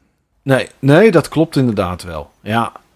Ja, dus misschien dat dat wel meer de manier voor mij gaat worden, inderdaad, ook om, uh, om te gamen. Het wordt het nu al langzaam. Ik bedoel, ik heb nu al een device naast mijn bed liggen. En uh, ik zou niet zeggen elke avond, maar uh, vier, vijf avonden in de week. Dan pak ik toch dat ding om gewoon nog even die ontspanning te hebben. En dan is het maar simpel Tetris of Balloon Kit of wat dan ook. Uh, en dan is het maar één leveltje. Ja, het, het, kan gewoon even makkelijk. Je hoeft niet. Ja, je hoeft er voor de rest niks bij te hebben, zeg maar. En dat is wel, ja, dat is wel prettig. Ik had ook de vraag op het forum gesteld. Ik bedoel, uh, ook die mensen daar worden ouder. Tenminste, daar ga ik wel vanuit. Um, om eens te kijken van, hè, is dit iets wat wij nu alle twee hebben door de fase in ons leven, zeg maar? Of, hoe, of is dit iets wat misschien breder is? Want ja, er zitten best wel mensen op die al heel lang gamen. Dus die misschien ook wel een beetje qua genres... Uh, net noemde je al Gallius. Ja, die speelt of Soulsborne games of shoot-em-ups op dit moment. Dus ja, die zit een beetje in een hoekje. Of daar verzadiging bij die mensen ook optreedt. Uh, nou, we kunnen even snel. Uh, nou, we gaan er ook snel langs. Het is niet van we kunnen er wel even snel langs. Maar dat gaan we wel even doen. Want anders is het lullig om te vragen en er niks mee te doen. Uh, zegt: Ik heb al jaren vrijwel geen tijd meer gehad of genomen om te gamen. Life happened en ook andere interesses waren op de voorgrond. Maar ik doe het sinds kort weer met veel overgave. Ik denk zelfs dat de langere pauze een hernieuwde energie en enthousiasme heeft gebracht. Zeker nu ik een Switch heb en daar ontzettend veel plezier mee beleef. En ook nog een, uh, een Batacera Pi heeft hij onder zijn tv staan. Nou, ik denk dat het gewoon een soort uh, aftreksel is van de Raspberry Pi. Met een hoop retro nostalgie. Leuk ter afwisseling. En ik zag toevallig vandaag de trailer voor de aankomende World of Warcraft expansion. En die wil me toch wel weer te grijpen. Dus ja, die heeft ook gewoon een lange pauze ergens een keer genomen. En blijkbaar is dat uh, voldoende geweest om hem weer terug op de rails te krijgen. Zie ik wel vaker inderdaad. Uh, dat dat dan helpt. Ja. Mij, ik heb dan de fear of missing out. Hè? Dus ik denk dan, oh, maar dan mis ik... Uh, noem ja. wat, Live Alive, die dan deze zomer uitkomt. En Xenoblade Chronicles 3 komt uit. En wat als ik, als ik die dan mis of zo, ja. Ja, ja, ja herkenbaar wel, nieuws, herkenbaar. Ik had uh, de laatste tijd uh, uh, in de auto redelijk wat oude podcasts van ons zitten luisteren. Omdat ik, ja goed, hè, een beetje voorbereiding op vandaag, zeg maar. En, en, en nou ja, goed, leuk ook om toch wel weer dingen terug te horen. En toen hoorde ik mezelf ook inderdaad dat ik dat destijds ook wel vaak had. Dat ik zo halverwege december, januari, dat is niet heel lang. Maar dat ik dan ook vaak momenten had dat ik niet gamede. Omdat je daarvoor heel veel gamede toen ik nog reviews schreef. Dus ik, ja, ik herken dit wel.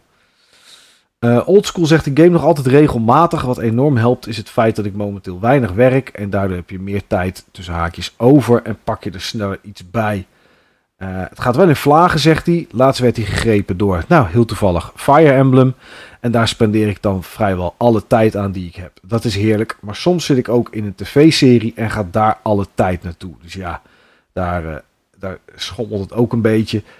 Wel doet hij ook veel handheld spelen. Recentelijk gebruikt hij veel de Evercade, de PSP voor retro en de Enbernic. Uh, nou ja, goed, ik weet dat hij inderdaad ook een redelijk vervent Enbernic gebruiker is. Uh, zegt: Ontspannen is een vast onderdeel van mijn dagritme. Daarbij moet ik wel mijn tijd verdelen tussen lezen, gamen en wandelen. En ik merk dat mijn aandacht eigenlijk per maand zo wat omslaat. Dus ja, uh, weet je wat wij ook wel hebben, Niels. De ene keer is het toch wat meer gamen en dan, en dan wat minder. Maar hij, hij wisselt dat gewoon een beetje af. Uh, Sway zegt: Ik game zeker nog wel en vrijwel elke dag. Er ligt een Game Boy Micro met een Everdrive op mijn nachtkastje. Dus zelfs als ik geen tijd om, heb om echt te gamen, waarbij die waarschijnlijk een stoel bedoelt en een bank en een controller, is er altijd wel tijd voor een potje Mario Pinball Land van 10 minuten. Uh, dat gezegd hebben, ik game toch wel vrij dagelijks wel een uurtje en anders in het uur twee of drie uurtjes. En dan maakt hij echt tijd voor. Als iedereen naar bed is, ga ik nog even een uurtje zitten. En op zondag plan ik alles zo in dat de klusjes en dergelijke klaar zijn. En dat ik tot de lunch kan gamen. Ja, netjes. Ja, dat kan natuurlijk ook. Ja, het is netjes dat je het op die manier uh, kan structureren. En dat zijn huishouden daar natuurlijk ook, uh, ook wel... Uh... Ook hier weer, hè? Game Boy Micro in, in de slaapkamer. Ja, ja, ja. Iets naast het bed inderdaad. Om dan nog eventjes, eventjes te, te spelen. Um, ehm, 799, oftewel Sven van Praatje Podcast, die heeft echt een heel epistel geschreven.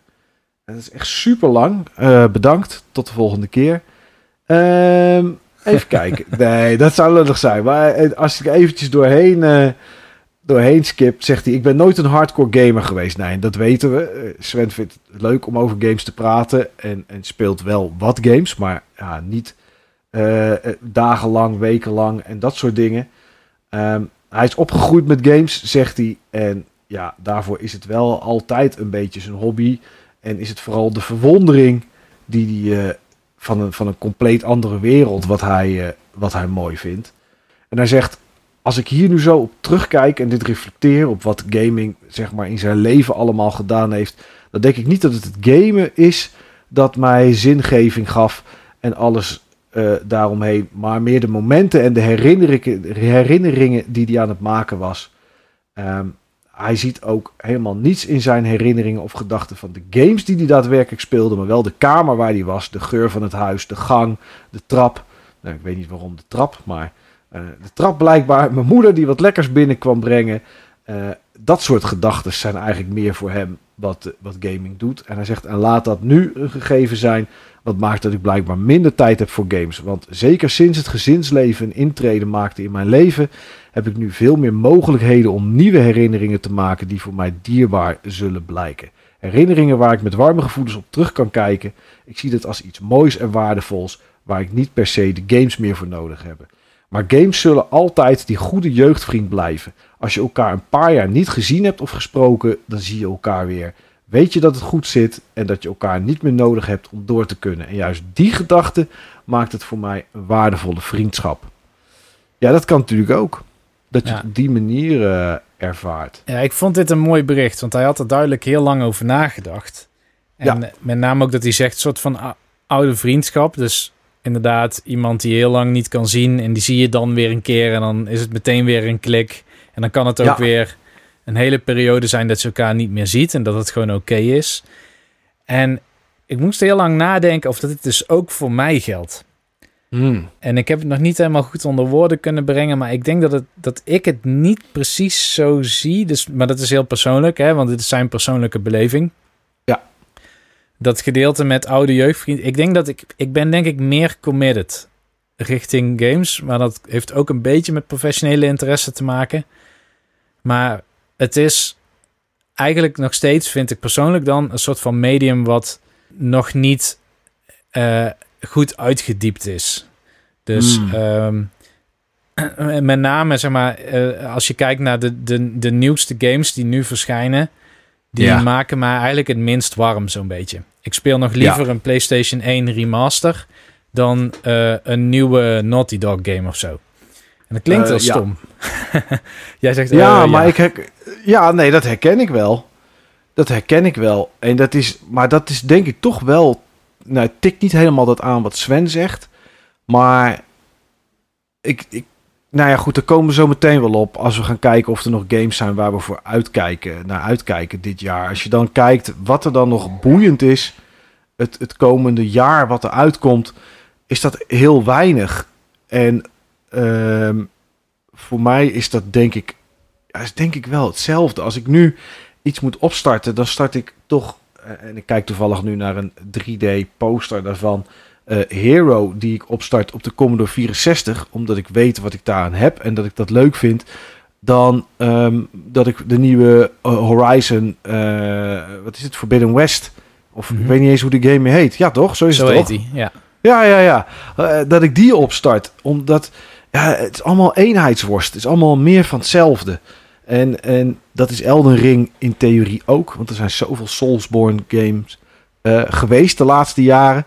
Alleen dat, dat is dan net een genre dat ik echt heel erg leuk vind. Ja. Uh, en, en dan wil ik dat zeg maar wel oppakken. Maar ja, als er volgende week een nieuwe Super Mario uitkomt, dan ga ik hem kopen, ga ik hem uitspelen. Dat weet ik zeker, want het is altijd kwaliteit. Maar ja, het is dan weer de zoveelste, zeg maar. En dat is ook Mario van de SNES of van de NES. Alleen omdat die eerder waren en je daar misschien een andere herinnering aan hebt, is dat leuker of makkelijker om, om te spelen. Ik weet niet wat het is. Ja, maar ik zie inderdaad dat daar veel huidige games zijn zo iteratief. En de vernieuwing zit meer in hoe het is gerenderd. Of dat ze een Klopt. nog betere Ja. voice actors hebben of zo. Terwijl eigenlijk in die interactiviteit zit, zit veel meer mogelijk nog. Er meer mogelijkheden, zeg maar. Dus als voor mij is een boek, dan wordt het verhaal in woorden verteld. Maar in een game wordt het verhaal in, in acties verteld. In handelingen of in interacties. Ja, Toevallig was ik vandaag op het werk en we hadden dan een, eh, een soort van consortium bezoek. En eh, ik werk dan nu even samen met eh, Joris Weidom en hij doet een onderzoek naar mixed reality, remote samenwerkingen en belevingen. ja, En wat hij dus onder andere doet, is hij doet heel veel onderzoek naar bijvoorbeeld hoe straks de metaverse zou kunnen gaan werken. Mhm. En, en hoe je eigenlijk de, de taal, zeg maar, van niet zozeer van games, maar wat straks van wat eigenlijk eh, eh, digitale werelden zijn en digitale representaties, zeg maar wat dat doet voor je beleving. Want ik bedoel, je kan je vrij makkelijk voorstellen dat je straks met een aantal avatars of zo met een helm op in dezelfde ruimte zit, terwijl je allemaal in je eigen kamer zit. Ehm, alleen, eh, hij doet bijvoorbeeld onderzoek van wat nou als de ene des, dezelfde layout ziet, maar dan in Seattle, terwijl de andere dezelfde layout ziet, maar dan een fantasywereld. En de andere heeft dezelfde layout, maar ziet weer een andere wereld. Zeg maar, je kunt samen in een virtuele ruimte zijn zonder dat je per se dezelfde beelden ziet. Ja. En ehm, je hoeft ook niet allemaal even groot te zijn. Wat nou als iemand, de ene speler is 12 meter hoog en de andere is de normale schaal bijvoorbeeld. Niks hoeft fysiek te kloppen met de echte wereld, maar zo stellen we ons wel met de metaverse voor. Dus hij doet allerlei van dit soort onderzoekjes om te kijken wat betekent het voor de beleving als je bepaalde dingen eh, uitzet, niet doet, vergroot, extreem maakt, eh, dat soort dingen. En dat is, ja, daar zit nog zoveel in wat we niet weten. Dus daar word ik heel warm van, van dat soort onderzoek. Oké, ja, ja. Ja, dat, is- dat is wel een andere manier, zeg maar. Maar ja, dat, zover zijn we nog lang niet, Niels. Nee, dat. Maar om terug te komen op die je- jeugdvriend, Ja, want dat was tuurlijk. natuurlijk de aanleiding. Mhm, ja. Ehm, ik weet evenzo niet zo goed. eh, want eh, ik ik begrijp dat Sven een soort van herinneringen maakt. Niet zozeer van het spel, maar van het spelen van het spel. Dat is hoe die. ja, eh, het is, ja, het is meer de, alles eromheen. Zeg maar dat het voor hem een mooie herinnering is. En weet je, als, zoals je het leest, zou het ook net zo goed kunnen zijn met een potje voetbal of een bordspel. ja. Het zijn meer die herinneringen. En toevallig is dat dan met games geweest. En daardoor zit games eh, wel in zijn hart, zeg maar. Maar inderdaad, kijk, ik weet wat hij speelt en hoeveel hij speelt. En ik bespreek hem regelmatig. Ehm, ja, dat zijn dan toch vaak walking sims, zeg maar. Hij gaat het er misschien in de aanstaande podcast over hebben, maar dan is het mooi alvast gespoild. hij heeft bijvoorbeeld Firewatch, heeft hij bijvoorbeeld eh, heeft hij gedaan. ja. Eh, en nu is hij bezig met The Vanishing of Ethan Carter. Ehm, het zijn geen, het zijn geen games met uitdaging, zeg maar. Het is geen games met moeilijkheid. Het is niet, en dat is niet lullig bedoeld, maar het is niet iets met doorzetten. Hij, het verhaal, zeg maar, wat erin verteld wordt en de manier waarop, hoe dat visueel en audiovisueel, nou ja, hoe het audiovisueel wordt gebracht, dat is een beetje wat voor hem dan er een leuke herinnering aan zou kunnen maken. Hmm. En ik weet dat hij meer herinnering bijvoorbeeld haalt uit het samen met zijn dochter spelen van Mario, wat hij een tijdje gedaan heeft, of van Animal Crossing. En het is voor hem dan meer die herinnering met zijn dochter die hij dan mooi vindt dan, eh, dan dat hij echt in Animal Crossing een tof huis heeft gebouwd, zeg maar. Ja, nou dan ben ik benieuwd. En die vraag zal ik hem dan stellen als we deze zomer een keer bij hem langs gaan. Ja. Tenzij ik het weer vergeten ben. Maar dan hoort hij het nu en dan eh, heeft hij het misschien nog onthouden. Of hij schrijft het op. Of hij schrijft het op. Heb je dat dan ook bij films of bij series? Want Eh, ik denk dat ik meer de ervaring heb bij games die hij misschien bij zo'n film heeft. Waarbij als ik een spel speel, dan gaat het spel gaat eigenlijk over mij. Over mijn Ja. keuzes, over mijn handelingen. En ik heb een soort van, ik krijg een reactie van dat spel. Soort de consequenties of zo van de dingen die ik doe. En die zetten mij aan het nadenken. Dus ik ben heel intiem betrokken bij wat er gebeurt. En dat, dat gedeelte eromheen, dat geldt misschien wel voor als ik vroeger met mijn Super Nintendo naar mijn oma ging en daar dan met neefjes en nichtjes dan Bomberman of zo ging spelen. mhm. Maar als ik Fire Emblem doe, bedoel, daar heb ik nou 150 uur in zitten in de nieuwste. Ik weet echt niet meer waar ik die allemaal heb gespeeld. Nee. Dat gaat heel erg over dingen uitproberen en proberen systemen te doorgronden. En dat is voor mij heel eh, bevredigend. Ja, ja, snap ik wel. Ja, nee, ik heb, dat, ik heb dat ook meer dan dat van Sven hoor, zeg maar. Ik bedoel, eh ik, ja, natuurlijk, ik weet waar ik Elden Ring gespeeld heb. En ik weet ook wel op welke plek op de bank ik zat toen ik Malenia had verslagen. En dat ik om kwart over twaalf begon en dat het om één uur gelukt was. Dat soort dingetjes weet ik wel, maar dat is puur om toen in huis te flexen, zeg maar. Van ja, ik, Ja. ik heb het in drie kwartier gedaan. Ehm, maar voor de rest is het voor mij inderdaad... de herinneringen die ik maak met games... zijn wel, als ze blijven hangen, echt in de game. Ja. Misschien dat het ook een beetje ligt aan het type spel. Hè? Want ik bedoel, ik herken wat die zegt. Ik bijvoorbeeld Another Code R. Dat Ja. is eh, de, met de sequel van die DS-game die jij volgens mij ook Mhm. hebt gespeeld. Ja, Alleen klopt. de sequel was op de Wii. Die heb ik in één zit uitgespeeld. En dat kan ik me nog herinneren. Ik weet, ik zie mezelf nog liggen op de bank, hartstikke gaar. Mijn ogen open, pulkend om de tekst nog te kunnen lezen. om die game te spelen. En ik dacht elke keer van, ja, maar nou ongeveer is die afgelopen. En dan, oh, nog een plot twist, weet je wel. En dan ging ik nog door. En daarin Ja. heb ik hetzelfde. Alleen ik denk dat als de game heel erg verhalend en sturend is, dan heb ik niet echt een rol per se. Dan ben ik meer Toeschouwer. aan de toeschouwer en ik probeer een beetje een soort van eh, hamster in een wiel, zeg maar, om het verhaal maar door te laten lopen. Ja, ja, Dus- ja. En, en dan heb ik dat misschien ook wel, dat ik bijna als een soort out-of-body experience terugkijk op mijn ervaring met dat spel. En ik weet ook bijna niet meer waar het verhaal over ging of wat ik daar precies in heb gedaan, maar ik zie me nog wel liggen. Ja. Terwijl met een... ja, misschien komt dat wel inderdaad door het type game. Hm, Ja, dat zou natuurlijk wel kunnen, hè? Het zou kunnen. In ja. dit geval. Ja. Ja, lastig hoor. Ja, goed. Weet je, ik heb het wel, als ik adventure games van vroeger kijk, naar, naar Larry 3 of zo, dan weet ik wel dat ik naar een kameraad ging fietsen en dat we daar probeerden met, we hadden dan één save game op, op een flop om daarmee verder te komen. Dat soort dingen, hè, dan, dat, dat weet ik dan nog wel. Alleen wat daar voor de rest dan, zeg maar, eh, in die, daar weet ik minder van wat er in de game gebeurde dan, dan alles eromheen. Alleen weet ik wel dat ook de game mij genoeg boeide en dat ik daar nog momenten wel uit weet. Ik weet de game in totaal weet ik natuurlijk niet meer. Het is te lang geleden en het zijn te lange games. Maar ik weet nog wel, zeg maar, wat er in die game gebeurde. En dat heeft hij dan minder. Hij heeft, weet nog wel de, de trapgang naar zijn kamer, die weet hij nog. En, en de geur en dat zijn moeder iets lekkers kwam brengen. Alleen wat er dan in die game gebeurde, heeft hij dan minder. Dus ja, het, het lijkt wel alsof games voor hem zeg maar een beetje de kroeg is... waar hij dan de vrienden ontmoet om die herinneringen mee te maken. Dat is denk ik een beetje hoe het bij hem dan vertaalt. Ja, ja wel, wel mooi. Maar ik denk dat het ook een beetje te maken heeft met het type spel. Ja, dat denk ik ook wel. Ja. Uh, Heather Grace had ook gereageerd. Heb ik nog tijd voor games? Jazeker, ik maak die tijd alleen weinig. Ik merk de laatste tijd dat ik andere interesse heb gekregen... waardoor mijn hobby om games te spelen ergens onderaan is beland. Ik ervaar niet meer dezelfde ontspanning en die zoek ik dan nu in andere dingen.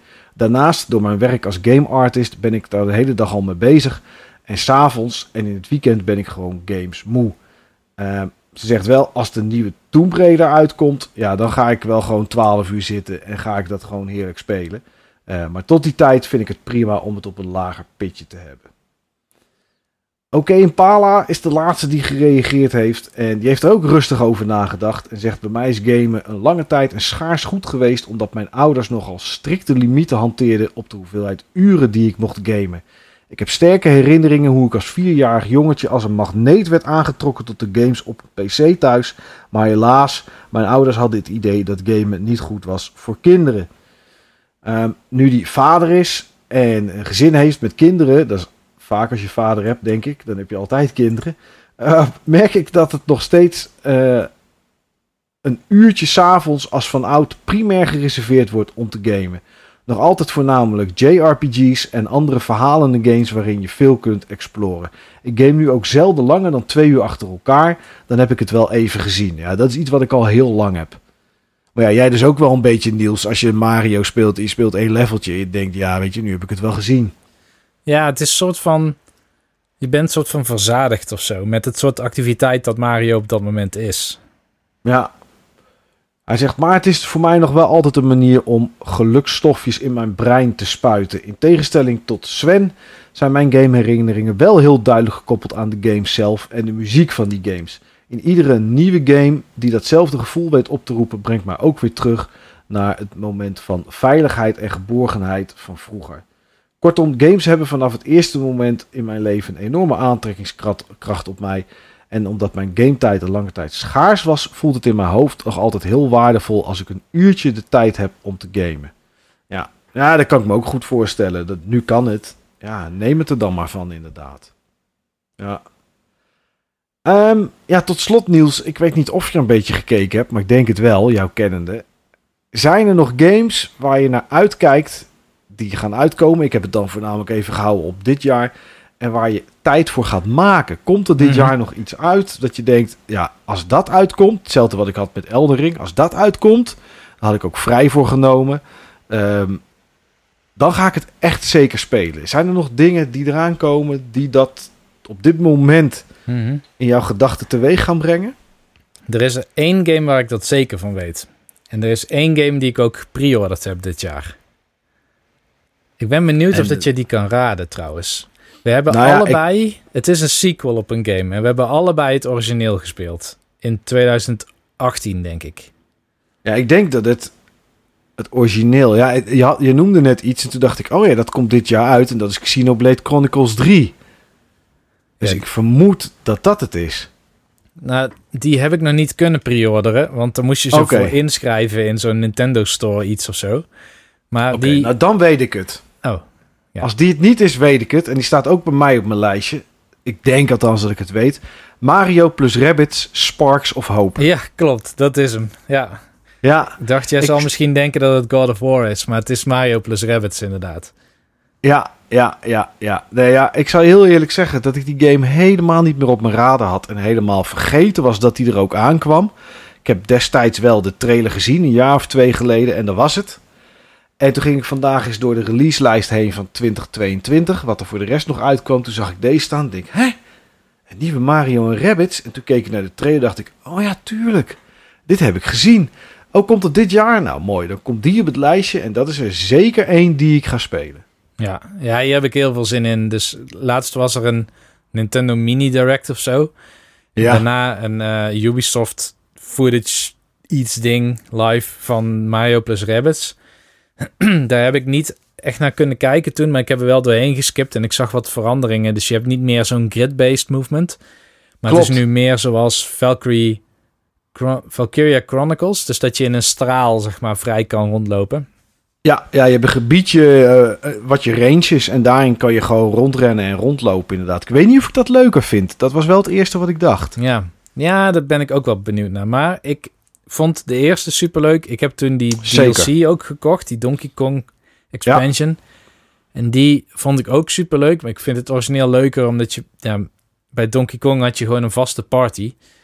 En bij het origineel had je gewoon... Ja, dan kon je bijvoorbeeld ook Luigi of zo, weet je wel. Met zijn vampire slide en zo upgraden. Ja, ja. En, en dat vond ik uiteindelijk iets leuker. En ik denk dat dit ook weer meer zo gaat worden. Ja, ja. Nog andere games die dit jaar nog uitkomen waar je lichtelijk naar uitkijkt? Uh, ja, nou Xenoblade 3 op zich wel. Alleen ik zou eigenlijk eerst die Future Connected extra expansion moeten uitspelen die bij deel 1 zit, bij de Definitive Edition. Oh ja, ja, ja. En ja, daar heb ik eigenlijk gewoon de tijd momenteel niet voor. Dat zou nou zo'n spel zijn dat ik niet makkelijk kan opbreken. Vandaar dat ik nu Fire Emblem speel. Maar die ook. Uh, God of War Ragnarok ook. Niet dat ik er vrij voor zou nemen. Ik ben heel benieuwd namelijk. Want ik ben even huiverig als benieuwd. Want deel 1 mhm. vond ik super goed. Ja. Misschien de twee of drie na beste game die ik op de PlayStation 4 heb gespeeld. Um, maar de, ja, doe het nog maar eens na. Nou, dat is zo. Hij staat bij mij ook op het lijstje. 8 november komt hij uit. Uh, werd van de week uh, werd dat bekend gemaakt. Maar ja, wat gaan ze hier doen dat net zo vernieuwend is als de eerste? Ja. Ik denk dat dat namelijk niet gaat lukken. Ja, dat heb ik ook bijvoorbeeld bij Breath of the Wild 2. Nou staat hij niet op het lijstje, want die komt dit jaar niet uit. Nee. Maar daar heb ik dezelfde zorg van. Breath of the Wild was bijzonder, maar het was ook voor het eerst dat een game iets op die manier deed. En dadelijk ga je dat gewoon nog een keer herkouwen. Met mooiere graphics, meer items, meer... Ja, één of twee abilities erbij en dat is het. Ja. Ja, ja, ja. Ja, wat ik er, uh, wat ik erop heb staan... Maar nou ja, de twee, drie games zijn er die ik zeker ga spelen. Dat is die Mario plus Rabbids en die God of War Ragnarok. De andere game die ik zeker ga spelen is Return to Monkey Island. Mm. Uh, want die komt natuurlijk dit jaar uit. En, uh, en die ga ik zeker spelen. De nieuwe Monkey Island van uh, Ron Gilbert. Uh, dus dat zijn de drie games die ik 100% ga spelen. En waar ik ook echt wel tijd voor wil maken. Ja, en dan zijn er wat titels waarvan ik benieuwd ben wat het gaat doen. Uh, Lord of the Rings Gollum ben ik benieuwd van wat het gaat doen. Of dat interessant is of niet. Ik vrees het niet. Ik vrees dat het gewoon een standaard open wereld, third person action game is. Waar we er al honderden van hebben. Uh, Evil West zag ik van de week. Uh, vond ik er wel interessant uitzien. Het lijkt een soort God of War, maar dan in het Wilde Westen. Zoiets zou ik het willen noemen. Hm. Uh, zag er wel interessant uit. Leuke, leuke gameplay. Maar ik ben er ook bang voor dat het zo'n hele lege wereld is. Waar je af en toe bij een dorpje komt, alles kapot schiet, doorgaat naar de volgende en dat dan weer herhaalt. en dat je dan na een half uur denkt: oké, dit heb ik nu al wel gezien.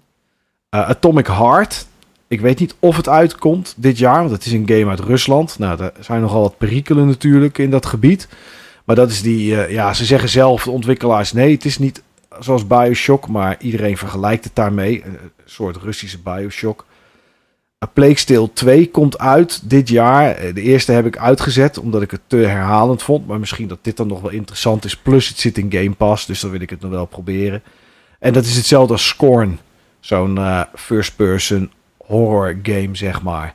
Uh, in een heel vaag gebied. Iets, het lijkt op iets met aliens. Of in ieder geval, de muren lijken in ieder geval van ingewanden overal. Uh, ja, net weer even iets anders dan, uh, dan wat standaard is. Ja, en dat is het. Dus als je kijkt naar wat ik echt... Als ik de vraag, zijn er nog games waar we naar uitkijken... waar we zeker tijd voor gaan maken? Ja, dan kom ik ook maar op drie stuks uit. Monkey Island, Mario en Rabbids en God of War. Dus ja, het is niet veel, Niels. Nee. Nee het, het, is niet dat er een gebrek aan releases is, maar wel bij mij een soort van gebrek aan interesse om af te wijken van wat ik bijna zeker weet dat ik leuk vind. Ja, ja. Ja, omdat die tijd die je hebt schaars is. Ja. En je die dan eigenlijk wil besteden aan iets waarvan je zeker weet dat het in ieder geval je genre is. Of het goed is, kan je van tevoren nooit bepalen. Maar waarvan je in ieder geval zeker weet dat het je genre is. Het helpt dat ik op het werk ook gewoon best wel veel games kan uitproberen of zeg maar studentprojecten of zo kan doen. Dus daarin word ik ook best wel uitgedaagd in wat dat mogelijk is met verschillende games en genres en zo. Uh, maar als ik gewoon mijn, voor mijn eigen ontspanning op dit moment een game pak, dan zal dat dan of een soort van strategy game. Ik heb trouwens laatst ook nog een keer Civilization 6 gekocht, maar dan nu met het complete pakket met alle expansions en DLC en zo. Oké. Dus dat zal ik ook nog wel gaan spelen, gok ik. Um, Maar dat zijn dan de type spellen wat ik nu wil doen als ik tijd heb om te ontspannen. Ja, ja, snap ik. Ja, en ik pak dan gewoon even uh, de Embernick en speel Tetris op een ja. Game Boy. Over Embernick gesproken, ik verwacht mijn... Wat is het ook weer? Analog Pocket, ook nog ergens eind dit jaar. Oh ja, die komt ook nog inderdaad. Ja, ja. Ja, dan heb je er nog een handheld bij. Um, ik denk dat we gaan afronden, Niels. We zitten bijna aan de drie uur. Ja. terwijl het uh, schema en het plan was dat dit twee uur zou duren. Maar goed, hè, het is de eerste. We moeten even inkomen. Uh, we hadden een hoop te vertellen. Uh, jij hebt een adventure gehad in Zweden. Gewoon een real-life point-and-click adventure met puzzels. Ja, daar konden we niet omheen. Om die verhalen. Die moesten toch de revue passeren. Ja. we zullen volgende keer proberen om het beter aan ons format te houden. Ja, nou, het, ik vind het al heel wat dat we het in drie uur gedaan hebben. Na de, de, laatste keer dat we echt een podcast op hebben genomen in de vorm zoals we dat nu hebben gedaan, is uh, anderhalf, twee jaar geleden. En daarvoor waren het allemaal BB Bulletins. Ja. Dus ja, hè, we moeten er weer even in komen. Zo maar goed, uh, we nemen ons wel voor om dit regelmatig gewoon weer te gaan doen. Geen BB Bulletins dus meer.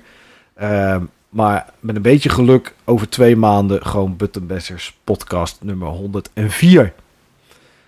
Ja, dan sluit ik hem hierbij af. Uh, bedankt voor het luisteren. Bedankt dat je deze drie uur hebt uitgezeten.